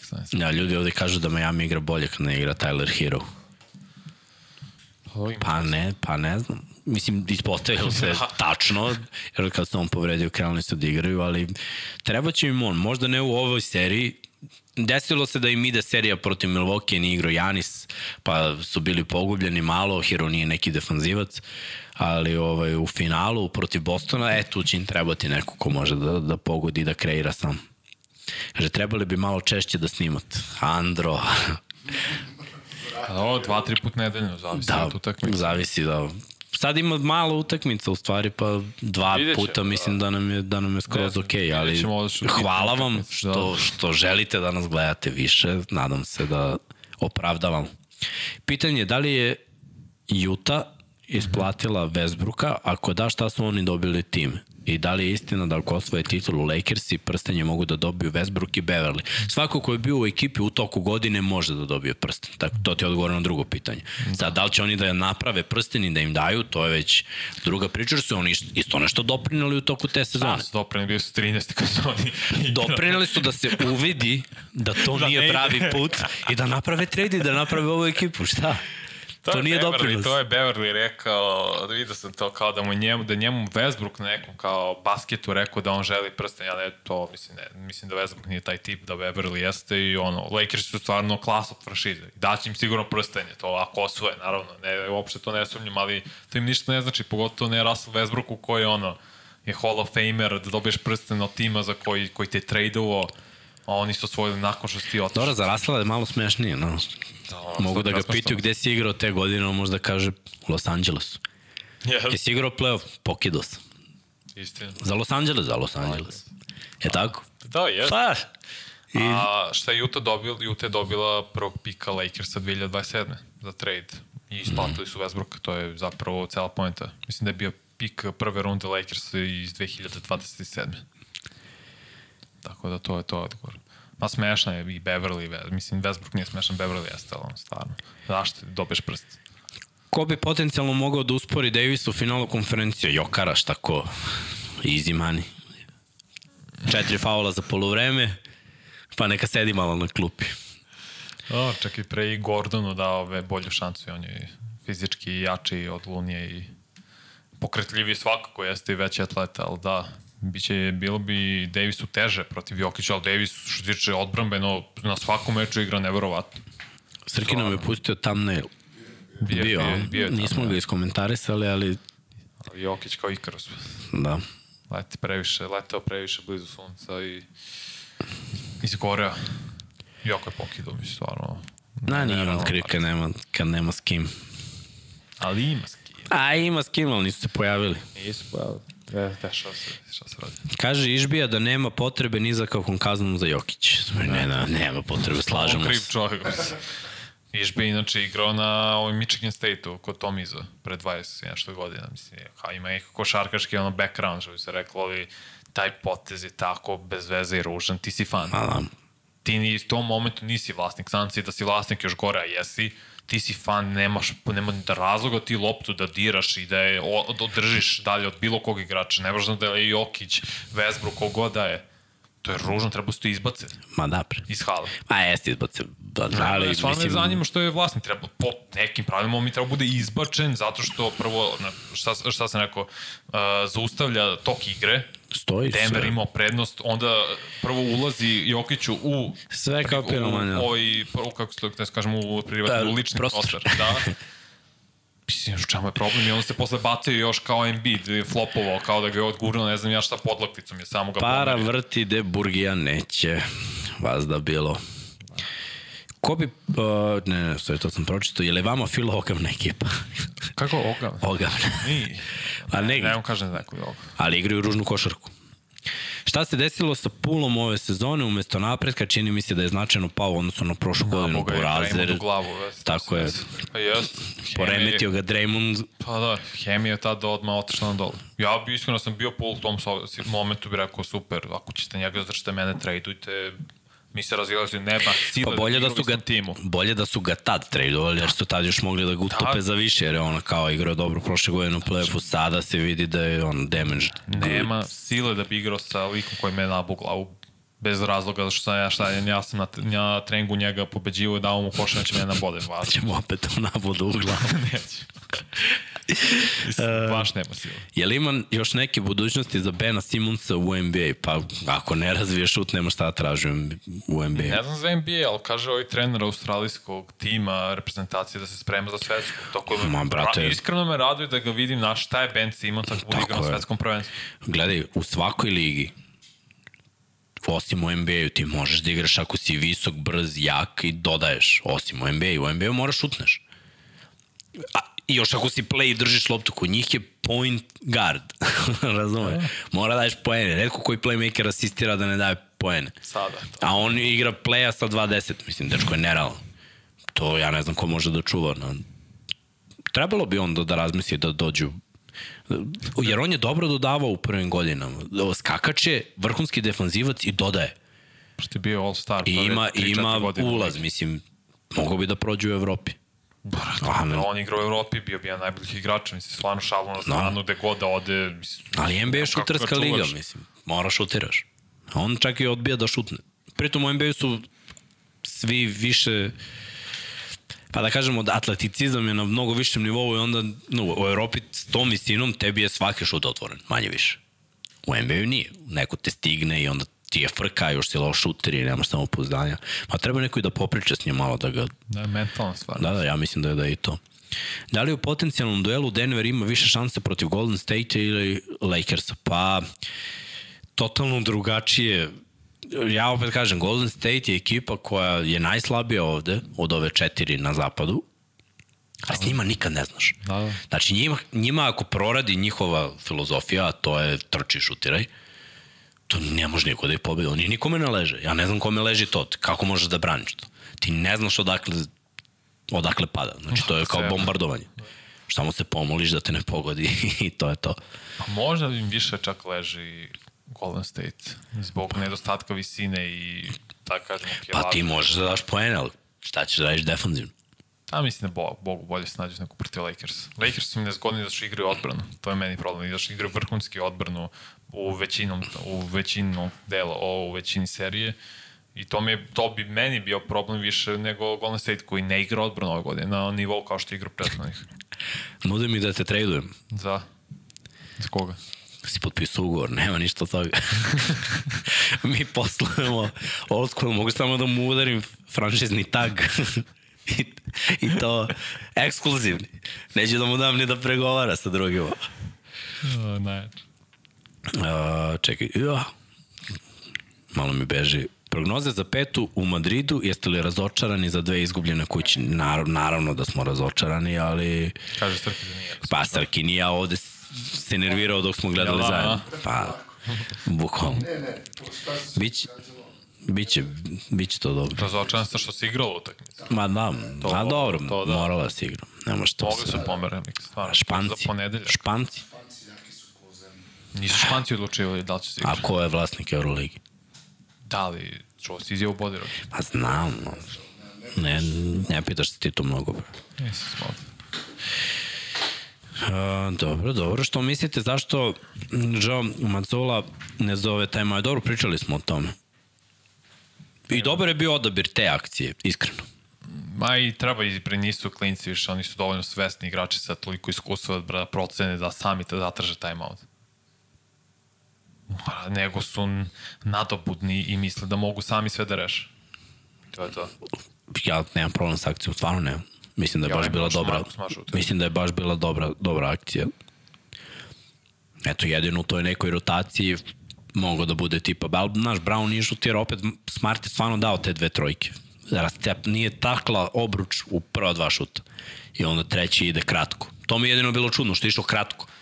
Kada dve pogodiš bez koske, treći bi trebao da bude ono, rims out, ako ništa drugo. Uđe, izađe, pogodi zadnji s 45, Ma zašto ali ako da se bude kraća. Pa dobro, ne mogu da protivrečim kad nije, nije klar šuter, to je sigurno. Nije, ne treba on da rešava, Nije šuter uopšte. Nije, Marko Smart nije šuter. To što on pogađa u nekim momentima, on nije šuter. ko po vama ima najveću šansu za prsten? Ajde sada da... Sad, ni- nije nam više Boston, a? Ili jeste? Boston ako igra najbolje, oni su najbolji tim. To i dalje moramo tako da... Dobro. malo- Timski igraju najbolji napad i odbranu. Kažu, kad kad, im ide. igraju najbolje, ne može niko ih pobedi. Stvarno to mislim, to smo videli protiv Philadelphia, prosto su upropastili Filu u drugom meču i u trećem dobrom delu. Ali bi dao prednost Denveru. Vidjet ćemo sad, ne znam, što? No, dok je, žu, dok je Da. žut, dobro je Sve, Srki, sve. samo dok se ne Mislim, ja crveni. ne gotivim preterano Jokića, ti znaš da ja nisam fan, ali stvarno mislim kad Denver kod kuće, pošto će biti sem možda protiv Bostona u finalu, teško je dobiti Denver. Baš je, baš je, baš je teško. Mislim, neće da će proći Phoenix. Ko ima najveću šansu da je dobije Phoenix? Ili Lakers? Lakers zbog veličine, zbog odbrane. No, dobro. Jer mislim da bi to baš bila tvrda serija. Joj, jedno čekam. To je bilo vrh, to je bilo vrh. Kako je dobar playoff.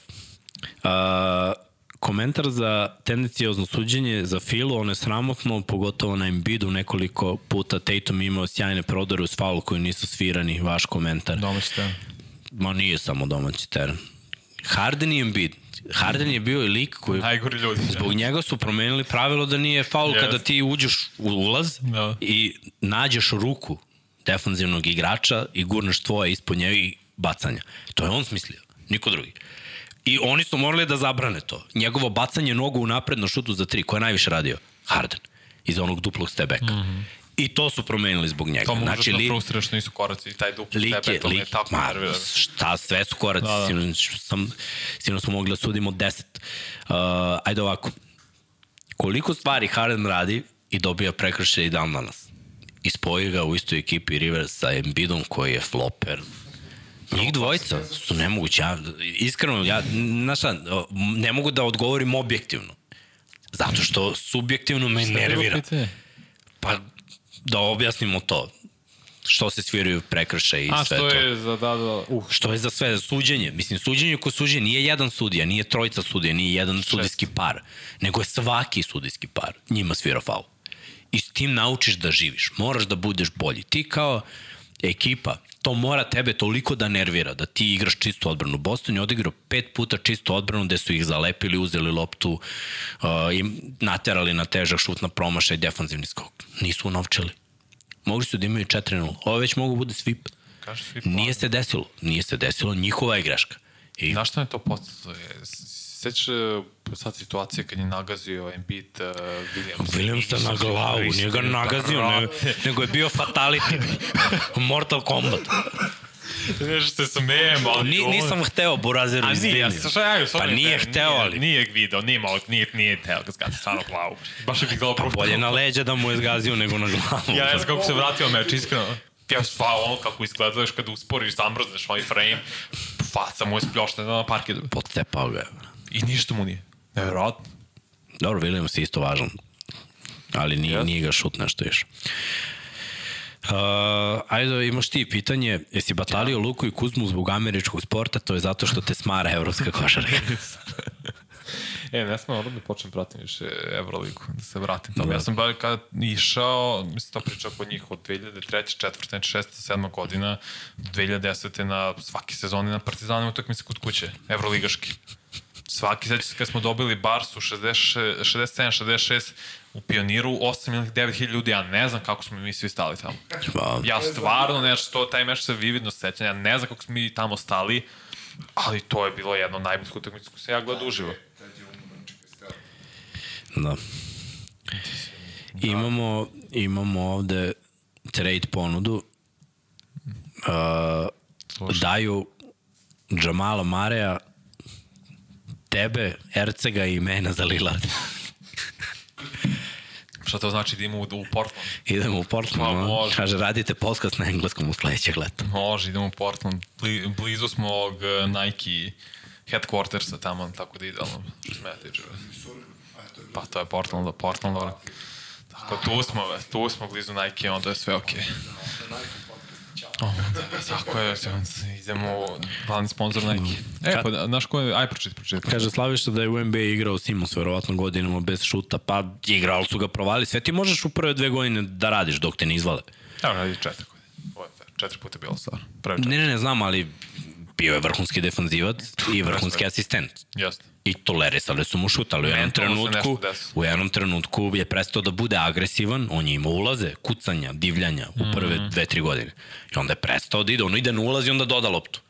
Burazir imaš 2-10, pa treba da budeš na obruču svaki play. serija protiv Atlante, kad to ne znaš da se nešto mentalno se desilo njemu u glavi, da je i kvrcnuo pogrešnu stranu i, post, i ne znam, ne, ne znaš šta se dešava sa ovim, Simonsom. Da, imamo ovde komentar i tu moram da se složim sa Aleksandrom Prosićem, to je Tatumova step back trojka koja je bila očigledan faul u napadu, ali i pre Jeste. te akcije je bio očigledan faul u napadu Hardena kada se na svojoj polovini tek što je dobio loptu zakucao Ja mislim baš u Tatuma. Da je Tatum bio statičan i da mu se zakucao pravo u sred grudi, to je čist faul u napadu, a ovo je bio čist faul, produžena ruka od gurnoga i onda stebek i prva pogođena trojka na ovoj utakmici. Tako da, najgore stvari se dešavaju u NBA-u kada sudije krenu da kompenzuju, ali da malo više tolerišu Embida generalno kao što što su nekada Har- Harden nekada imao prosek od više od 10 bacanja po utakmici. Mislim da Embiid u ovoj seriji Dva. prošlo šutno 12, ovo isto imao dvocifreni broj Regularno bacanja. Telson ima 12 po meču. Isto Ni 12, u- 12 bacanja po meču, čovek je 90% realizacije da, i više. Znači, Nije tako oko 90. Mislim, što je za centra, za neko koji je 2.15, 2.16, neverovatno. To sam kažem, uh, Broni Lebronov, najstariji sin je na kraju odlučio da ide za USC. UC, UC? USC, da. Lepo, meni sviđa što će igrati college košarku, što će sad lepo moći svi da vidimo koliko je dobar i više priče da je 3 D igrač za beka, ok. Baš radujem se, sviđa mi se što ne je otišao u G ligu ili gde god, nego otišao u USC, gde se vraća još dvojica baš dobrih igrača i najbolji playmaker u državi, najbolji rangirani Collier isto je otišao tamo. Tako će biti baš zabavno gledati to, lepo je to stvarno čuti. Čekaj, Reci. sad od mene za vas dvojicu. Opa, ovo je prvi put. I Srki će uključiti mikrofon, ajde dok on uključi mikrofon. pred poslednjima beše, tako. Da, predposlednji. Vidi kako on sve to naučio. E, da, da, da. Kad im profesora je. E, sad pitanje. Pa rekao si da se igrači vraćaju u, u, na koleđ. A, da, e, ili sam te loše razumeo? Ko je? Iz Rekao- USC-a dva, d- d- dva, dva igrača se vraćaju. Da. Da li, na primjer, ja kao odem da, da igram profesionalno i onda odlučim da završim faks, Ne možeš vratim da se. Ne možeš da igraš. Ne može da igraš. To je to. Ali što se tiče koleđa, sad je isplativo da budeš na koleđu. Mislim, dobiješ kintu za to. Broni ima najveći ovaj NIL deal, 5,9 miliona. Eto, nije Ok. odigrao sekund, ide na koleđ da studira i imaće ugovor bolji nego bilo ko u Evropi. Južna Kalifornija, brat. Dobro, ne, USC je, mislim, više futbolski univerzitet, ali... A do kad možeš da ostaneš na, na univerzitetu? Četiri godine. Četiri godine. Može imaš petu kao eligibility. da, ako si bio određenim red stvarima. shirt, Znači, moraš da, ono, mogu da studiram i kao, kad završim faks, moram da je napustim tim. Pa moraš. To, To, to. to. Ti imaš četiri sezone. Tako. To, to, to. Kako ćeš da ih rasporediš? Da li ćeš odmah da budeš freshman, sophomore, junior, senior ili ćeš imati redshirt ili injury taj redshirt Tako, u, hvala. u jednoj godini? To će oni da odluče. Mislim, to se sve radi sa savjetnicima. Volio bi da ostane dve godine. Stvarno bi volio dve godine da ostane na koleđu, jer mislim da mu je neophodno da bi razvio svoju igru, sem ako on drastično ne napreduje u jednoj godini, ako uspe super, ali mislim da bi njemu, kao što je Morento odgovaralo da ostane dve godine, isto Broniju baš značila. Pogotovo na USC-u, mislim, tu mu je Da. 10 minuta od kuće. Uh, imamo dosta uh, pitanja nevezano za NBA, ali eto, ko dobio u sredu Real ili Partizan, naravno da ćemo da kažemo Partizan, jer kad je igrao Panter bili su mnogo bolji igrački. Imamo takođe komentar za ABA ligu, potencijalno finale Zvezda Partizan, kome dajete prednosti, zašto, iskreno predstavu nemam, jer utakmice ove godine koje sam gledao između Zvezde i Partizana bile su egal, rešavane u onom finišu, meni je svejedno iskreno ko će da pobedi, ali... Ne znam, ja čudno mi je to sve zato što Partizan ima, on, to je Zvezda imala veliki, veliku pauzu od prvog Da, da, da. meča polufinala Pa i sad je do 10 dana, valjda. Pa sada... Večera se valjda igra. Mislim da si u pravu. Sad Sada. igraju. Mislim da je to raspored idiotski napravljen. Skroz idiotski gde se Superliga igra poslednjih mesec dana, što je tek banalna stvar. Mislim, to je tako glupost da ja to nema. Opet da Partizan neće igrati Superligu, jer su još, mislim, mislim, jeste na izražu još glupi bili i zaboravili da prijavi igrače za to, to je tek onda se prekrstiš jer je datum bio 24. aprila, prijavi su 29. što bo, neko god to treba raditi, bi trebao dobiti otkaz. Da. I sad oni ne igraju jer je neko zaboravio da prijavi tim. Nema me zezaš. Kako to može uopšte se A, dešava se, u bro. profesionalnom sportu? Miks, ne može se desiti u amaterima. Pa zato što je to profesionalni sa znacima navoda. Nema kako to uopšte mogu to je jadno i sramno. Kogod to treba raditi, treba dobije otkaz. Pa dobro. Mislite, kako to možeš zaboraviš, ne razumijem, kao pa euforija oko Euroligi, kako to vezi ima ovo ti posao, misliš, ne razumijem, mislim, to nije rekao, nego, i, nego ja sad to banalizujem i kapiram da je možda to izgovor, pa to ti je posao prijeviš tim i sad ne igraju Superligu. Kao, pa dobro, okej, kao igramo Final Four možda, pa dobro, super, i, i, i ABA ligu, mislim, ne igrate domaće prvenstvo. No. Ljudi koji nemaju možda pare da plate kartu za Euroligu, možda im to je jedna prilika da gledaju Partizan u domaćem prvenstvu i te igrače oni sad ne igraju zbog idiotskog poteza. Mislim. Nažalost, Vanja niko više ne obraća pažnju na to. Šta, šta želi prosječan čovjek. Uh, imamo pitanje od Ognjana. Da li je dobro za Houston što je Udoka trener da nešto promeni? Pa Udoka je dobar trener, mislim, mi znamo zašto on nije više bio trener za, zašto je Da. napravio pauzu, to nema veze sa njegovim učinkom na terenu, njegovom taktikom, njegovim razmišljanjima. Čovjek je napravio grešku u životu, osuđen je zbog toga da smo 50 godina unazad nikoga ne bi osudio za to, on bi dalje bio trener. 20 Tako je. godina unazad. Pa moguće da danas je takvo vreme da sve je to pod lupom, svaki skandal napravi ovaj razliku i eto. Ali to bi do, dobro je kako nije dobro, to je Iz- dolazi iz dobrog druge trenerskog drveta, ima Mhm. dobru taktiku, može da smiri malo klinice koji su talentovani, par igrača da dođe tu i bi, biće to zanimljivo. Milwaukee otpustio Budenholzera. Da, bravo, to se nije desilo u prošli podcast. Tako je. Ali to smo očekivali, mislim, ja sam o tome pričao još od one dve tekme kad imaš mm. -hmm. protivnika seriju 13-0, 11-0, ne zatražiš time out, mislim, to je za otkaz. Da, vidjet ćemo sad ko će biti, mislim, možda Nick Nurse spominje za Milwaukee Bucks je zanimljivo da poslednja četiri trenera koji su svojili NBA titulu, tri su to bilo otkaz, sem Steve Kerra koji je jedini ostao. I teško je. Očekuju svi rezultate odmah, nije kao pre da imaš ono, bukvalno sezone gde razvijaš tim, da ti se praštaju neke greške i opet Milwaukee imao najviše pobjede u regularnom delu sezone, Janis je bio povređen malte ne tri utakmice, to moramo da uzmemo u obzir stvarno, da, ni, da nije bio povređen, mislim da bi Milwaukee dobio ruku na srce, ali okej, možda je vreme za promene. Gde će Budenholzer? Budenholzer, evo imamo znam. i to ne pitanje. Znam, ne znam, razmišljam sad, ne, morat ću za sledeću epizodu da baš razmislim gde bi mogo najbolje se uklopi, ali Janis mora da razvije post igru. Mora da nabaci šut kao što KG ima on sa pol distance, makar to da bi bio opasniji. Mm. Jer i dalje Šuterska nema liga, šut. ima, ima vremena, mora da radi, upravo si. Mora, mora, stvarno to mora da razvije. Koliko god je napredu i... Evo gledaj najbolji na svim pozicijama. Centri, četvorke, trojke. Imaju šut... Ko su danas najbolji centri? Imaju šut za tri, Embiid Jokić. imaju šut s polu distance, imaju završnicu i dobro šutiraju bacanje. Znači danas ne možeš da budeš centar i da lupaš banane i evo da stavimo i Davisa tu u priču i on ima dobar šut s polu distance, ima šut za tri i dobro šutira bacanje. Znači moraš da budeš takav tip. Ako je četvorka u pitanju, koga god da nađemo i tu da poredimo, najbolje u ligi. Janis je najbolji. I, ali to je anomalija. Jeste. Si vidio onaj njegov klip kad kaže ne možeš da imaš sve. Ne možeš da budeš lep, zgodan, praviš, ulaziš u reket, zakucavaš na ljudima, igraš vrhunsku odbranu, budeš atleta, prelepa porodica, prelepa žena, prelepa deca. Najjači, najjači lik sad. Bog je morao da me održi, da budem skroman, rekao je, nema šuta. Koja legenda, koliko je Stari, gotiv, Janis je stvarno. koliko je gotiv, stvarno je, stvarno je upica. Momci, ja se slažete da ni Embiid sam sebi ne bi svirao one padove i faulove? Naravno da bi svirao sam sebi. Takav je, to je u njemu. Taj lik. Ste, jesi gledao reklamu kad izmaltretira neke obične ljude u parku kao? To nije je reklama, zakucao. to je... To je istina, to je igrao basket. Igrao basket s njom. Da. To on sve govori o- glavom, To on sve govori o, o liku. To nije reklama. To je kao da igraš protiv deteta i ono, izdominiraš ga. Ja.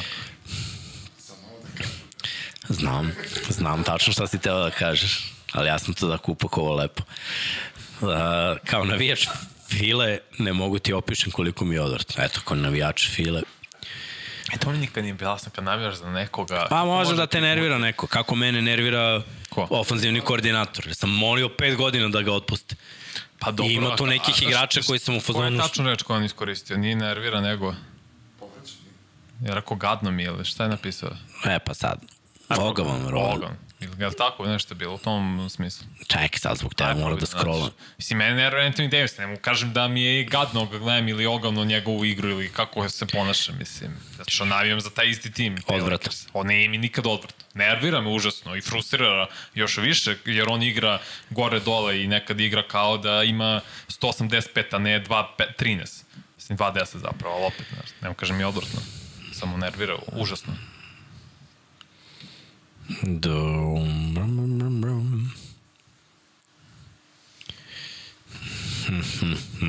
kako mi beži ovo, vidi. Samo polako. Kako će da poleti ovaj računar, već vidimo ovaj monitor, brate. Da. da li smatrate da je Michael Porter Jr. popravio odbranu ove sezone? Pa, Malo jeste. Mislim da se podredio više timu, ali mi fali njegova agresivnost, jer bez nje Denver neće raditi mnogo.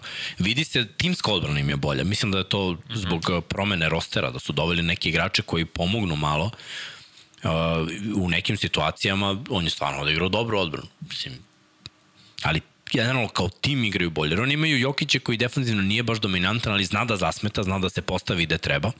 I kad se baš potrudi, tekako zna da umiri centra kalibra Ejton, njega može, ima ono gde, gde krene da maše rukama, ali nigde blizu lopte, dovoljno blizu da zasmeta, da Ejton mora da razmišlja kakav šut da uzme, ali nije elitni bloker, ne može da nadoknadi kad neko prođe iza leđa neki backdoor, da on stigne s leđa i da zalepi. Da, I onda moraju četvorka, trojka da pomožu mnogo više, a bekovi da budu agresivni na lopti. Tako da timska odbrana njihova je jako dobra ako uzmemo obzir roster koji imaju. I popravio se Porter, ali ja bih volao da se popravi malo i ofanzivno. Da li se sećate najjačeg košarkaškog filma 1 na 1? Mislim, film naš 1 na 1. Ako je taj, ako si mislio Slaviša, ne Slaviša, nego Stefane na taj film, naravno se sećamo. I dalje citiram, kao i naravno i svih naših filmova, čak i odatle. Znate ko je donator tog koša? Kad kaže, nismo znali gospodine Koma. Kako legendarna scena. Ja. Ali da. ali ova dvojica motoraca i legendarni, znači oni su bili u boljem životu i u srećnim ljudima i u porodičnom blagu i onda ih vidiš ovamo kao No nisi koje je to vreme bilo, stvarno su radili motorci, tu uzmu kao bonsik i seku obruč. Da. Kao da im ne igramo u basket da ne lupamo. Užas, brate gađaju da bacaju, brate, tegle, bacaju... Tegle. Baci leba. Dobre, Teglenik. dosta ne staklo, brate, na terenu. Strašno. Ja se sećam da je nama jednom lik isako kožu, jer je bio na drvenoj banderi. Jer je neko šutno loptu pa mu strušio satelitsku i onda izgoreo lik došao no, i... Pa to je opravdano, šta se radi? Ste vratili... Ha? Ste vratili ovaj satelitsku? Šta da je vratimo, brate, pala s drugog sprata, razbila se. Pa, je, koš, pa, pa oko za oko. jeste pa. Vi meni tebe. Igrali smo u drugom parku. ja vama zabavu i to je to. Šta da se radi? Opa. Mi Mišljenje o koeficijentu inteligencije Michael Porter juniora. Pa e, ne da ne ulazim u, u ovo, ljudi on igra rolu trećeg, četvrtog igrača u ekipi. Verovatno je game plan takav da znaš, od njega je kada si polu otvoren, otvoren šutni, trebaju nam ti šutevi, treba nam broj tih šuteva.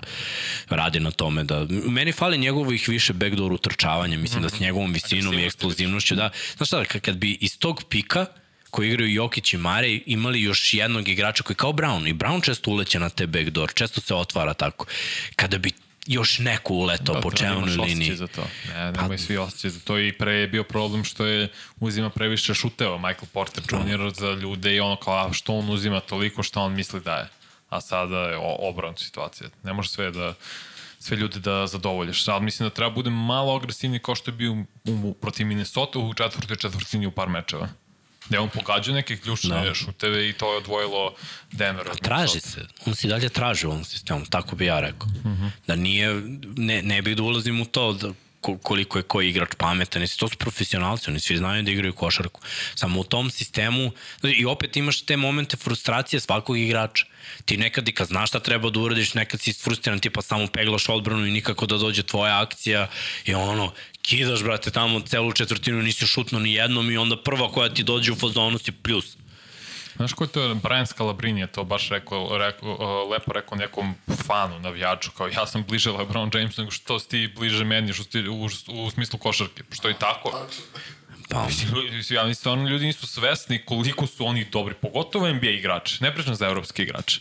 NBA igrači, koliko su oni dobri, kvalitetni. Neko je pisao u komentarima, neko od nas, nego nešto na Twitteru, da ima snimak da Austin Reeves daje 18 trojki za redom na treningu. Kaže, pa ja sam video Joel Antonija da daje 10, onih centra iz Miami pre 10 godina što igra, što samo postavljaju blokove. Mislim, o čemu mi pričamo? Mislim, Austin Reeves koji je dobar igrač da ono, na šta bi radio nekom ne igraču ili šta god ili u Evropi. Bio bog otac. Ja sam čitao vezano za tenis, pa je neko komentarisao tipa ono 250 na ATP-u, druži, nešto. Šta je to, vrate, Mil? No da, nismo mi svesni baš ko je to ne. Mislim, igrao sam protiv, igram termine s nekim momcima koji su na koleđu, koji su tek došli s koleđa, par drugara je u prvoj ligi. Ljudi, to je, pazi koliko je to nivoa daleko od Euroligi, koliko je to nivoa daleko od ABA ligi, koliko, ABA liga od Da, Euroligi, da, da. pa Euroliga od NBA. Ja mogu da vam kažem da to je jako, te prvo što su svi visoki, ajde krenemo od toga. Drugo što su svi jako ono, skočni, pokretljivi i što treniraju imaju šut, mislim, stvarno trebaš da, da, da pokidaš. Igrao sam basket, kaže, sa Vardom tamo u vizuri i sa Dozecom. Š- Šta je to? Igrači koji su završili svoju karijeru pre decenija. šta je to? Tako je. Uđi u reke, brate, završi, tako je. Svaki bi mi bio floater, brate. I to onaj Navarro, Navarro floater s prvog koraka, brate, da, da ono, izbegnem bananu. Da, evo što pogađa trojke, to je najluđa stvar. Tako je. Ne, zvera. 2, 10 plus i još spacing, brate. Pa, pa ti igraj, brate. A, dobro. Ima ovde sad lju- ljudi uvažavaju ovo tvoje mišljenje o KLS-u, mislim, upravo si, ali godinama je to već loše i ja ne volim da, da se vraćam na te neke teme, ali svi znamo u kom stanju bio je ovaj, kod Mileta Malina koji je imao jedan vrhunski još dok smo mi igrali, dok sam igrao američki futbol, on je dao taj intervju dok igrao za radnički iz Kragujevca. I morao sam mu pružim ruku i da mu čestitam jer je tad pogodio suštinu svega.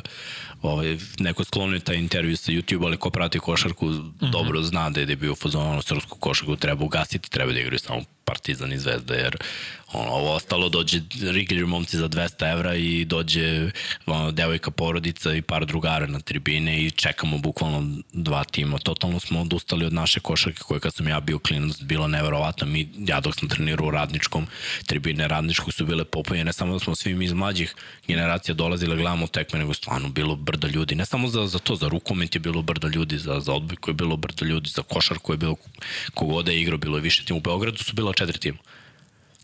Radnički FNP Crvena zvezda Partizan, pune tribine svuda. Klinci treniraju svuda. Drugo vreme došlo, ljudi, loše je vreme i šta da se radi. Svi, svi smo svesni da je loše vreme. Ne trebamo to mi da vam kažemo, samo se ono, svrnite okolo. Ne morate ni da imate medije, ni, ni televizor da upalite, samo se svrnite okolo i sve će vam biti jasno. Tako je. Izađi napolje i spoznaj. Šta mislite o Treju Youngu i mogućem tradu?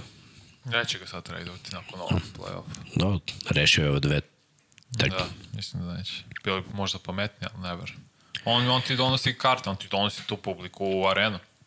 Mislim u halu, mm. nazovi. On, zbog njega dolazi, zbog njega plaćaju karte i kupuju dresove. Mislim, verujem da 90% dresova u hali je dresa gde piše Young iza. Koji broj nosi? Nula? Ili nije nula? Ne mogu sati sad, sam mi samo odzir. Sad si me zamrznuo kao što je, Kao Ice Trade, da, ne mogu sati koji broj nosi. Možda nije nula. nije nula Moram da vidim, ne mogu sati kao koji broj nosi, iskreno. Toliko tome. E, moj NBA ekspert. Da, više to ne obraćam pažnju. Za mnogi igrači ja ne znam koje broje vam. 11 bi jeste, bravo, Srki, jeste Uh, imamo, Dallas je zainteresovan za Middletona, kažu.11. Dallas? Da. Pa dobro, mislim da nije baš to rešenje, ali okej. You, you do you. pa mislim, ne znam, da je treba im Šta bi tradovali za Middletona, ajde. I to da krenemo odatle. A šta daješ pikove? I koje igrače ćeš da daš za kad si Middletona? dao sve za Kyrie Irvinga? Trebaju ti visoki krilni igrači, krila koji igraju odbrane, šutiraju trojke. I treba ti all-star igrač opet. Ne, ne znam ko bi to, možda ok Middleton, ali ko će ti biti u reketu? Mislim, ko je... Carl Anthony Towns mi ima više smisla.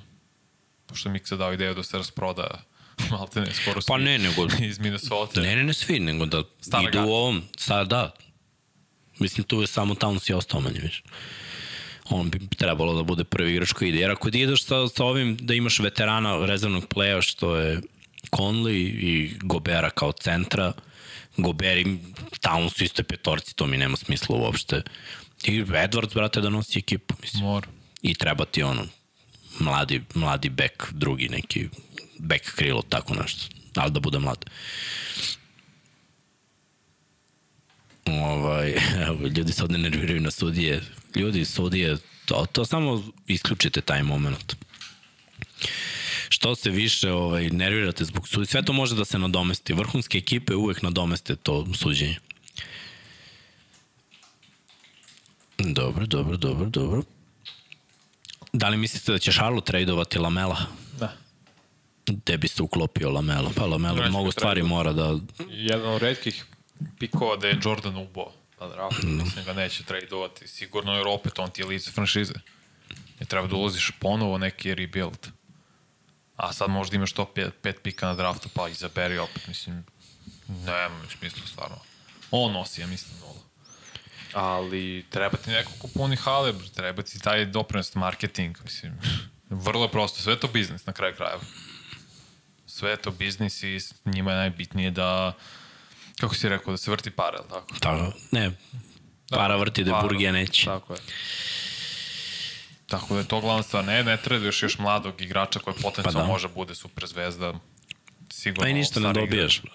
Pa da. Ovako, bar ljudi dođe da gledaju njega atraktivno. Mislim, treba on da napreduje mnogo odbrano ne igra. Aj, uopšte. Ma daj da ove godine su imali neke pehove razno razne. I on je bio povređen i drugi najbolji igrač im je bio suspendovan. Da. Michael, ma, ovaj, Michael Bridges, ne, kako se nije Michael Bridges, nego Mikel. Da li je Buker zaustavljiv? Da li vidite sličnost u načinu igre mentaliteta sa Kobijem? Pa dobro, rekli smo to, kaže Bojan, izvinite ako ste već pričali na tu temu, tek sam sam se uključio. Pričali smo o tome, pa mislim da jeste zaustavljiv, ali m, pazi kakav je skotskan Phoenix, ako uradiš ta odvajanja, ako ostavljaš Durenta, to ti nije pametno. Znači, moja neka teorija je da, da pustiš Bukera, Durant ima slabije procente šuta, I s njima dvojicom ti možeš da živiš. Ostatak ekipe ne sme da ti, mislim, ne smeš klupi da daš 40. Tako je. Ako si odlučio da udvajaš Durenta, ako si odlučio da, da Buker ima svoje veče, onda klupa mora da bude na onom nivou kakva je klupa bila u Denveru, a to je ono 10 poena maks, 10-15. Četiri u jednom. Sad ti možeš da ih dobiješ, mislim, to je razlika. Ovde te je klupa dobila, mislim, Tako je. nije te dobio Buker. Buker igra pa igra. Mislim i Buker i KD igraju pa igraju, to je njihov prosek u ovoj seriji manje više, da budu preko 30. Mm, evo kažu ljudi da bi Towns, Towns bio u Dallasu top. Jel bi, bilo bi to super. Kad si sad već rekao za Bukera i KD-a, to je sigurno 30, neka ljudi onda igraju na kladionici sigurno 30 svaki put. Ja ne znam kako to funkcioniše sa poenima, ali sigurno je preko 30, ako Pa da. Buker stalno dolazi. Pa Kari je prošli playoff ceo bio preko 30. Eto ti. Ne mogu da iskoriste tamo ni ovaj naš kod uh, 1 na 1 Admiralu za novo registrovane i dalje 2000 dinara važi, uskoro ćemo i mi imati neke free betove da delimo, ali eto, Bukera za sad deluje kao neka vrsta sigurice, nazovi je tako. Dobro, Pelicans i plan za sledeću sezonu. Samo da budu zdravi. Samo zdravi. Oni kad su zdravi bili su broj 1 na zapadu. Kom, on, na početku sezone šta je bio de decembar, čini mi se. Ali okej, u momentu, u nekom momentu su bio prvi na zapadu kad si zdrav, kad Zajan i Williams, Williamson igrač u teoriji igra, oni su vrhunski tim. Istina živa. Ali redko kada igra, to je problem. To je tačno. Dobro. Da, ovde ljudi sada priča malo o reprezentaciji, ko bi mogo, šta ja... Vidim da je neko napisao ovde da Jokić neće, ja ne znam, nisam, ovaj, da to će on odlučiti na kraju sezone, nije, nije, nije ni lepo sada nagađati, povlačiti te priče, momak igra playoff i svima nam je stalo da osvoji to, ako može da nađe vremena i da se priključi, definitivno će reprezentacija biti bolja ako on igra. Mislim, Deško je bukvalno najbolji igrač na svetu. Jedan od... Ko će da kaže hoće i neće, ja njemu ostavljam dok ne čujem to, ne bi komentarisao, a imamo mnogo igrača koji mogu da budu deo ekipe, deo reprezentacije, da se spreme kako treba i da se nadamo. Grupa nam je konačno malo laganija. Mislim da tu može da, da se prođe eto već par godina nije bilo vrhunskog uspeha. Tako da očekujem to i naravno ona konstantnost da, da se nastavi ta ti plasmani evropsko-svetsko olimpijske igre. Znači, mi sa našim košarkaškim znanjem i igračima moramo da budemo na svakom na svakoj smotri svetskoj košarkaškoj. Ne, moramo samo budem i moramo da uzimamo medalje. Aj, Pa- mislim, ok, mo, možda to nezahvalno reći, ali mislim da se to tebi pričao. To je, to je najteže. Ne, jeste ali, ali moraš da se kvalifikuješ. Ali, Mo- moraš ne, da... Pa da je, okej, to naravno, to se podrazumeva, mislim, ono što ti pričao o statistiku, što za neki drugi projekat što radim, mi od 61. do 2002. na 40 takmičenja, na 37 smo učestvovali, 3 godine nismo učestvovali zbog sankcije, uzeli smo 32 medalje. Mi smo pos, od 2003. do sada uzeli 4. Nešto nije u redu. I ima sigurno smisla s time što više domaća liga nije toliko jaka. Pa naravno. 100%. Mislim, možda su bolji sad igrači, ali e, prvo više nije tolika čast, očigledno, da se igra za reprezentaciju iz nekog razloga. Ne znam zašto. Ja, to moj utisak, možda nisam u pravu, ali bilo više odusta, ovaj, odustajanja i igranja, to jest ne igranja za reprezentaciju nego pre. Opet možda je subjektivni osjećaj, ali četiri medalje u, u 20 godina, to je činjenica. Ne, ne, ne mogu da, da opovrgnem to što pričaš, iskreno, to je malo i do glave, verujem, ali, znaš šta, mogu, mogu malo da razumem. Znači, 90% ne razumem, ali 10% mogu da razumem, nekad nije bilo ovoliko tekmi. Okej. Okay. I mogu da razumem da, da ti je telo uništeno i da, na primer, ako si igrao i prošle godine, ti nemaš pauzu, ti onda bukvalno si, ako vežeš dve godine, 24 meseca u takmičarskom modu, znači ti nemaš kada odmoriš to telo i onda dođu povrede, a ti ipak mora da živiš od nečega i to je 10, da se razumemo, to je 10%. Ja bi poginuo da, da, da igram, to je sad već ne, To je ne, ne, neko... igrače da traže promenu u rasporedu što se tiče evropskog. NBA nikad neće promeniti svoj raspored, možda smanji broj utakmica, možda.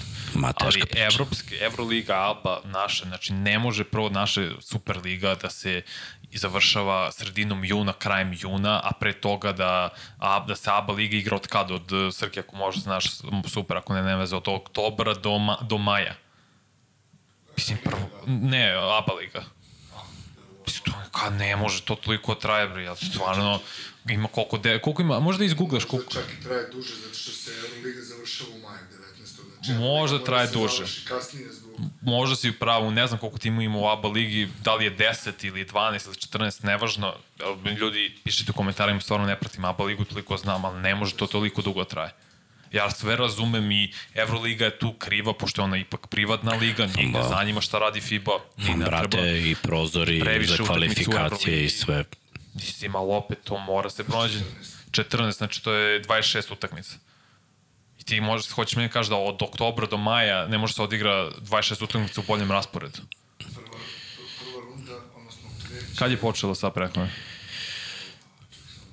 Sve se može, Vanja, sve se nego može. više to nije prioritet, jer je pre bilo e, bitno da odigraš dobro za tim da bi tebe eventualno pozvala reprezentacija onda tako da napraviš svoje ime da bi dobio da bi otišao jači tim. Sad više nije tako, sad ne zavisi o Račun je prvi oktobar da je počeo. mislim, oktobar, novembar, decembar, januar, februar, mart, april, maj, 8 meseci. Traje za 26 kola. A finale je sigurno. 9, po 8 i po meseci. Ne, stvarno. Zato što, zato što se sad igra... Sad se igra... Ma jasno, jasno, kapiram. do juna I Evroliga je tu najveći krivac, da se razumemo, ne, ne, neću sada da kritikujem samo ABA ligu, Evroliga je isto tu najveći kri, krivac. Još kad bi dublje pratio, dao bi bolje argumente sigurno, ovako mm. samo nagađam jer znam koliko traje sezona. To igrači trebaju se pobune. Ali njih ne zanima, njima je bitno klubsko da imaju uspeha, što od toga njima zavisi sledeća plata. Da. Ne od uh, uspeha u reprezentaciji, Znam, nažalost. brate, što više, što više liga igraš. Ima tu, naravno, mnogo rešenja. Ali ajde da kažemo da je i na svetskom nivou košarka napredovala. to Sad svi igraju. Nije, nije to kao nekada što je bilo, nismo toliko više dominantni. E, imamo pitanje vezano za trenere, za te otkaze. Ovaj, moram da ga nađem, da. Od 2019. tri ili četiri trenera u istom timu. Ba, to je ono što sam spominjali kad sam rekao za trener koji su osvajali. Ne čeka se više toliko. Nemaš više lufta 3 do 5 godina praviš tim. To imaš 2 do 3 godine se očekuje neki napredak, neki uspeh. I to je to. Ako nema, mislim, sorry, idemo dalje. Igrači imaju sve više moći, oni će napustiti taj tim i ako oni vide da nema neki napredak, to je očigledno, mislim, verujem da će zajedno napustiti New Orleans u roku 3 godine. bio je tamo šesto, radio sam kao svoj neki, uh, ispunim tu neku kvotu koju sam ja vama kao dužan, ne moram više budem ovde, tražim trade, idem dalje. I to je tako liga trenutno. Jer više igrača ide u menje timove, to znači da i treneri imaju manje vremena da naprave neki rezultat, uspeh, ako naprave, ćao zdravo, ide sledeći, tako se vrti u krug. Mislim, to je vrlo prosto. Pre nije bilo tako. Pre 15 godina, mislim. Timu, igrači su ostali duže u jednom timu, samim tim su treneri ostali duže. Sve si rekao kao i NFL u ostalom. Bravo. To se, to se danas, samo ako si ono legenda franšize, a toga nema. Greg i Bill. Oni mogu doživotno da budu treneri ako žele, a ostali, žao mi je, ne može. Možda i Steve Kerr će moći isto. Pa da, dobro, ajde. Da, da sačekamo još malo. Ok. Da bar dođe do 10 godina, onda možda se poredi sa ovim. Da, nije još, sad će uskoro, da. Okay. Nema, nema, nema, stvarno nema. A, dobro, dobro, dobro. Sad ljudi ovde pišu sve i svašta. Da li treba zabraniti igračima, ovo me zanima tvoje mišljenje, da li treba zabraniti igračima da igraju za druge reprezentacije, kao što je, na primjer, McCaleb igrao za Makedoniju. Ali, aj samo razmisliti, Bojana, odgovor na ovo pitanje bi eliminisao Amerikanca, stranca i svake skoro reprezentacije. Ja mislim da ima u Evropi da imaju tri reprezentacije, tri, četiri, koje nemaju stranog državljanja. Nema, baš pa da. nastavi, ću baš pogledati. Mi nemamo. Litvanija nema, ne znam da li Letonija ima, mislim da, da nemaju ni oni, ali svi ostali imaju stranci. Možda ovi skandinavci, ali svi mislim da ostali da imaju. Pa, i to, za, za Litvanci za nas znam, a ovo ostalo nagađam ovako, sad se sećam, vra, premotavam film na evropsko prvenstvo pa da se setim. Da vidimo da, Ali, da vidimo. Zamisli koliko bi ono oslabili mnoge ekipe tim. Pa dobro, mislim, je rekla stranci ili amerikanci? Stranci. Pa evo, za Belgiju igra Haris Bratanović. Ne, ne, svako ima nekog nacionalizovanog. No, sigurno. Mislim. Ne mora da bude Amerikanac. Da se fokusiraš samo na Amerikanci. Pa mogu. Ne, ali ne, zašto? Zato što... Ovaj... Brate, srpski igrač je pojačanje za 70%. Mislim, Jonathan, ta, Jonathan Tabu je playmaker, on je, mislim, ja ne znam da li on belgijanac. Svako ima. kaže. Estonija i Letonija nemaju, kažu, kaže Željko da i Litva nije uzela, eto. Pa jes. Ako da kad uzmeš manje više, to je danas trend, svi to prate i Lorenzo igra. Brown je bio MVP evropskog. Da li bi dobila Španija da nije E, bilo Lorenzo Brown malo sutra? Mi nemamo. Ali da. u ženskoj, koš, u, u ženskoj reprezentaciji košarkaškoj imali smo i, i Daniel Page i ovu, kako se zove... Dobro, su udala Ne, ne, ne, ne, da možda se Daniel Page udala, ali nije bilo tad, nego ova druga playmaker, uh, kako se zove... Mislim, nosi broj 6, da mi se to mozak. I on Anderson nije. Jest. Jest. Jel da, Anderson? Jest, jest. jest. Mislim, ima svuda, samo mi imamo taj mentalitet, ne znam zašto, kao nama to ne treba, onda Pa nama to ne treba. slabi. Mislim, Sad ćemo stvarno dobijemo jedan na jedan od Eliferko. pa ne treba nam, Nije brate. trebalo i ispali smo u osmi Nema veze, brate. Mi smo ispali. Mi. Mi, pa, okej, okay. ali, ali zašto je razlika u ženskoj košarci i u muškoj? Zašto? Ne znam, ne vodim žensku košarku, Ali trebalo bi da ne, bude ne, razlika. Ne kažem da vodiš, Ne mogu da, ne je- mogu da podržim to. Ja, ja se ne slažem s tim. Ne slažem se s tim, stvarno. Okej. Mislim da, da, da ima toliko uh, ajde da govorimo o svakom sportu. Kogod je došao da igra ovde, pazi, i u našem sportu, kogod je došao i kad smo igrali neke druge sportove i sve to, svi su bili u fazonu, brate, koliko ste vi ono, dobri, atletski. Igrali smo basket, igrali smo futbol, igrali smo odbojku, igrali smo i svi su u fazonu kao, brate, vi ono, možete sve sportove. Zamisli koliko da su videli naše profesionalce u košarci, rukometu, mm. odbojci, vaterpolu, na broj šta god hoćeš. Znači, mi smo talentovani za sve, imamo dobre gene. Sramota je da ne možemo da izdvojimo naših 10, 15, 20 ljudi. Sramota. Mene bi bila sramota. Iskreno. I nikad neću to da podržim. Ne znam da li se vi slažete sa mnom. Uh, bez obzira ko je krajnji rezultat, razumeš? Znači, ono, ne, ne moraš da pratiš svačiji trend. Ja ne volim da pratim trendove. Taj trend da igraju naturalizovani Amerikanci, da igraju, znaš, ono, drugi igrači, što kaže Srki, možda neki momak našeg porekla odrasta u toj drugoj zemlji, nije uspeo Dobre. da prođe da igra ovde, pa će igrati i tamo, okej, okay, to mogu da donekle da razumem jer ima tamo državljanstvo, odrastu u toj zemlji. Ali ne mogu da razumem, eh, kapiram šta ti znači igrački, ne možeš da igraš za reprezentaciju svoju, a želiš da igraš za neku reprezentaciju. Okej, okay, mogu da razumem tvoju želju i mogu da razumem da, da, će Dobro. neko, da će neko da ti da šansu da igraš. Ali ne želim to za svoju zemlju, brate. Ne želim, mislim da imamo mnogo dobrih igrača. Da, vidim, ti mnogo dobri igrači su nam donali četiri medalje u 20 godina. Dobro. I propuštene par, olimpijske igre 2004. Jeste, propuštene, 8. Pravo, 12. Sve si 20. Sve si upravo. Ali to je sramotno. Tako, Nije to je meni više sramotno, nije sramotno nego da nije, neko igra To bi iskreno. bilo sramotno za Sjedinjene američke države. Zašto za nas nijako smo Evo, sad ću ti kažem zašto. Za, bili, bravo. Bili. Bili smo nekad kada smo imali veći uh, uzor, kada smo imali našu ligu, Razumeš? I bilo je drugačije. Bili smo prvo veća država, imali smo više ljudi, bolji timovi, drugačije se radilo, naša liga bila jača. Znaš, sve, sve, se, sve se napravilo drugačije. Ti, ti si sada... Ok, ali što je u Atini propušteno kad je dva, dve godine pre toga bili smo svetski šampioni? Pa znamo, ali mnogi rep, ko je, ko je konstantan, konstantan u Evropi? Špan. Špan. I? I niko više. Niko više, Vanja, niko više. Španci, brate. Oni su institucija. A znaš zašto su institucija? Zato što, evo sad, prošle godine o, radio sam evropsko za sve generacije, i muško i žensko. Svuda su u vrhu, brate. Ulažu u svoje mlađe i na svim tim utakmicama vidiš njihove matore legende. Naravno, što s tome slažem. Znači, Njihovi naj, najbolji najveći... igrači su kalibar da igraju u NBA, neki su mogli da idu u NBA, da oni su gradili svoju ligu. Njihova liga je jedna od najjačih evropskih liga. Najjača. I meni je najgore od svega da oni sa svim tim silnim moraju da dovedu Lorenza Brauna da bi usvojili kao to je kao wow. Što se njihova zlatna generacija obrnula. Pa jeste, ali... I nemaju playmakera. Po koju cenu? Da, da uzmeš zlato, uzmi brate zlato. Eto ti zlato. Eto ti zlato, uzmi to zlato. Znam. To nije isto zlato kao onda kad, je, kad su tvoji ljudi osvojili. Jednostavno nije.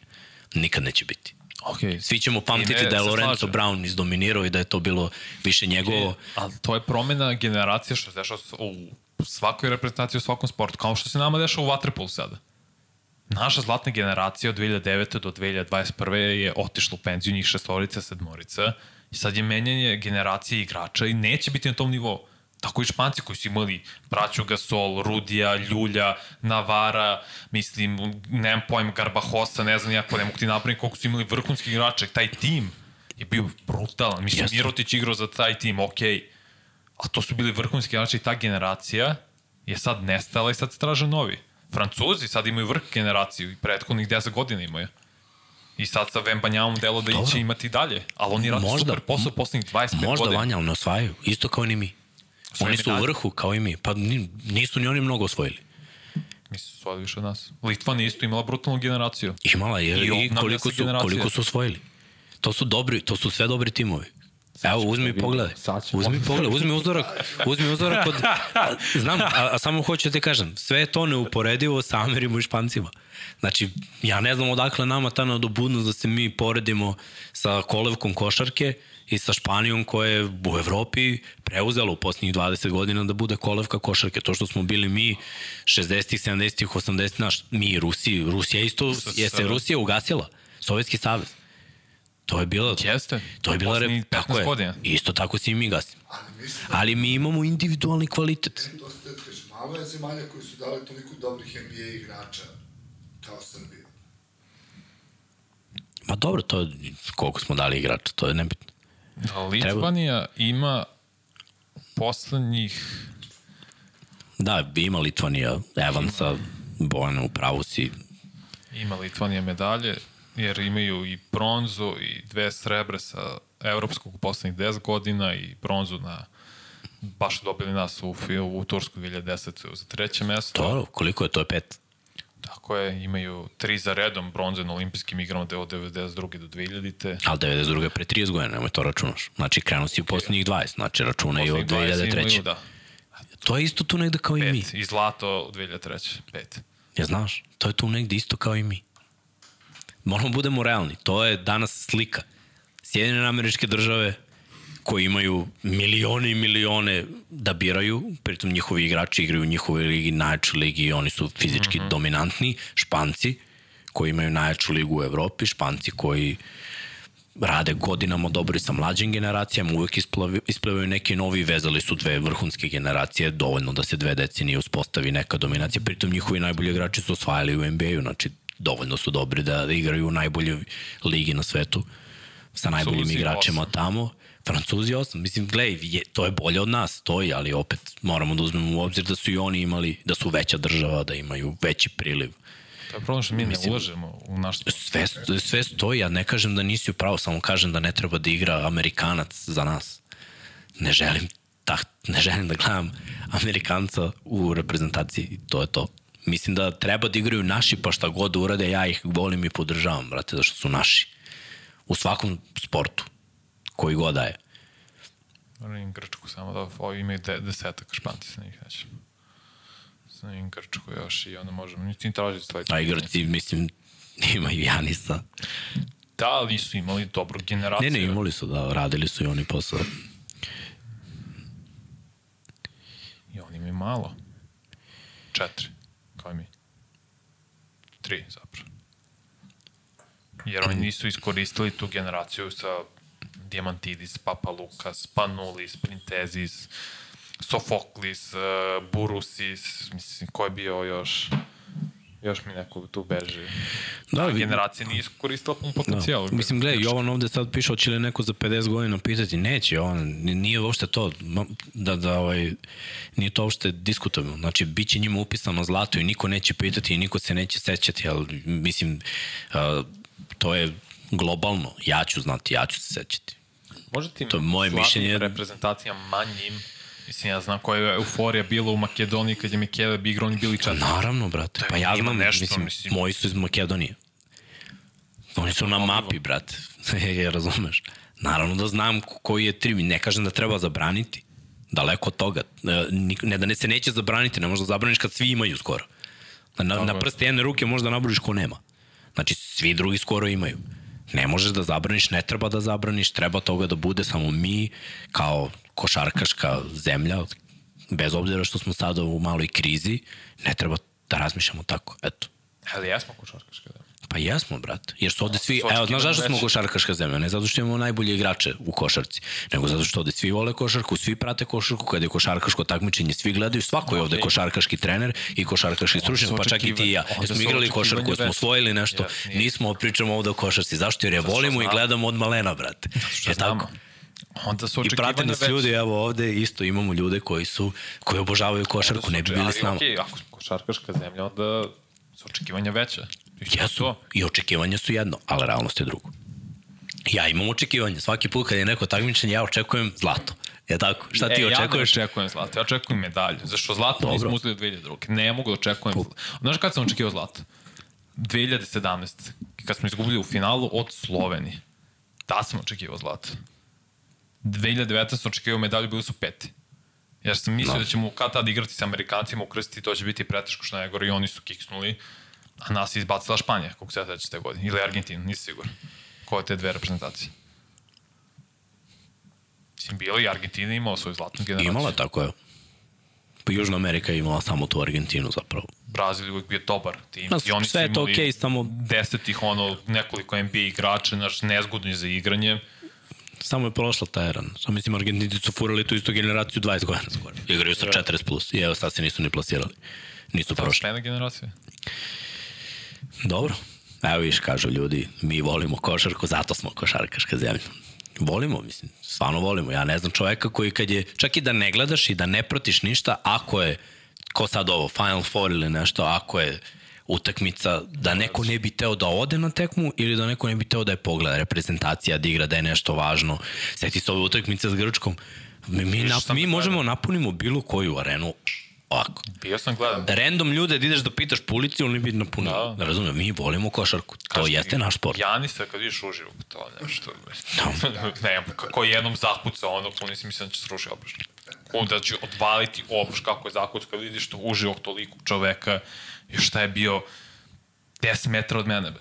Što sam imao tu odmah, i no. nije pored parketa, nego red ili dva iza. To je nerealno. Baš je nerealno. S kim si bio? S najboljim drugom, s Mimi. Dobro, vidiš tako, on je bio s najboljim drugom. Ovo nabavio karte, bez. To ovo nabavio karte i išli gledali. Bilo vrhunski, bez. Dobro. Jedna, nisi namestio, ono ne bi uživali. E, vidiš ti to. Kako smo uživali? Vidiš ti to. Dobro, ništa, za Mimi. ovaj, ajde da privodimo kraju. Ajde. Da, Srki mora da ide u teretanu, a i Luka Kuzma počinje od 9. Ali ovaj, dobro je, baš mi je drago da imamo ovaj segment sa pitanjima gde, gde se i vi malo uključite i, i, i da pričamo. Ovaj, stvarno je to lepo i nadam se da delite naše mišljenje. Ne morate, pošteno svako može da ima svoje. Samo se argumentalno Tako je, raspravljati. da. Samo sa argumentima, bez vređanja, sve prihvatamo, stvarno. Da. Debata je I, uvijek i, I super ste, stvarno, stvarno ste super ovde u, četu. Mi ćemo razmisliti dobro da li je sledeći podcast u istom terminu u sredu ili u četvrtak. Uzet ćemo u obzir te utakmice koje će biti Mhm. odigrane, pritom u sredu igra Partizan, to znam da će Luka i Kuzma imati posle, pa i tu moramo malo da uklupimo neke stvari u studiju, pa Igra pol devet. Mm, Da, mislim da je tako nešto. Mislim, završit će se kao do, do, do 11, pa, pa oni dolaze, ali opet mora sve da, da, da se uzme u obzir. Evo, pitaju ljudi Damian Lillard u Lakers-e, a, ja bi ga voleo u kepa. Denveru, ja, ja bi ga voleo u De, Denveru, ali Isto, isto. vidjet ćemo. Ja volim Damian, Damian, Damian meni je Da. ubica. Uh, tako da, ja pitaju lju- ljudi kad je inače ova jedan na jedan uvek ponedeljkom, pa trudimo se da bude ponedeljkom. Nemamo fiksni dan, gledamo koliko, kad smo radili poslednji put i koliko utakmica je umeđu vremenu odigran. Jer nema poente da dođemo i da pričamo o dve utakmice. Evo sad je prošlo od četvrtka do danas koliko dana. Mi smo imali samo četiri, ajde da kažemo, bilo je više utakmica, ali četiri imamo serije i onda lepo popričamo o tome i veći je segment zapravo pitanja i odgovori, da je malo pričamo sa vama, odgovaramo na vaše pitanja nego što prođemo tu analizu utakmice, jer to sve može da se uradi za 10-15 minuta u principu. Tako da, eto, to smo rešili. Da, nemamo još fiksne dane, mi smo prilagodljivi, prilaga, prilagođamo se ovde situaciju u studiju koja je trenutna, neko ima te fiksne termine, a mi ovaj možemo da da menjamo. Kad će First Down? First Down je beše onaj u američkom podcastu Hrvatske? iz Hrvatske, da, je tako? Da. da. Otkud, da. First Down ne znam kad će. Ako mislite na 99 yardi, Uh, nismo radili u petak, tako je, snimat ćemo sutra, a da li će biti u live ili ćemo emitovati u petak analizu celu drafta koju moramo da ispuštujemo, to ćemo još da vidimo. Znači, pratite naše društvene mreže ili će biti uh, sutra live, pošto sutra snimamo, ili ćemo snimiti sutra i emitovati u petak u našem standardnom terminu od uh, 20 časova, taj, taj novi termin. Tako da to je trenutno... Uh, da, evo ispravo se čovjek 99, ali ja čovječ. Sad, za kaznu majicu mora kupiš 99 Tako yardi. je. Ovaj, nadam se, nadam se da ste uživali u ovom podcastu. Veliki pozdrav iz Infinity Lighthouse studija. Za kraj Srki će pustiti naše Patreone. Još jednom poziv za sve vas da budete naši članovi. Subscribeujte se ako niste, lajkujte video, komentarišite, mi ćemo odgovarati. Podržite nas ako želite preko Patreona, budite naši pokrovitelji, pomozite da ovaj podcast ostane nezavistan i nakon toga ide naša špica, vi pišite, mi odgovaramo i vidimo se u sledećoj emisiji. Do tada, pozdrav.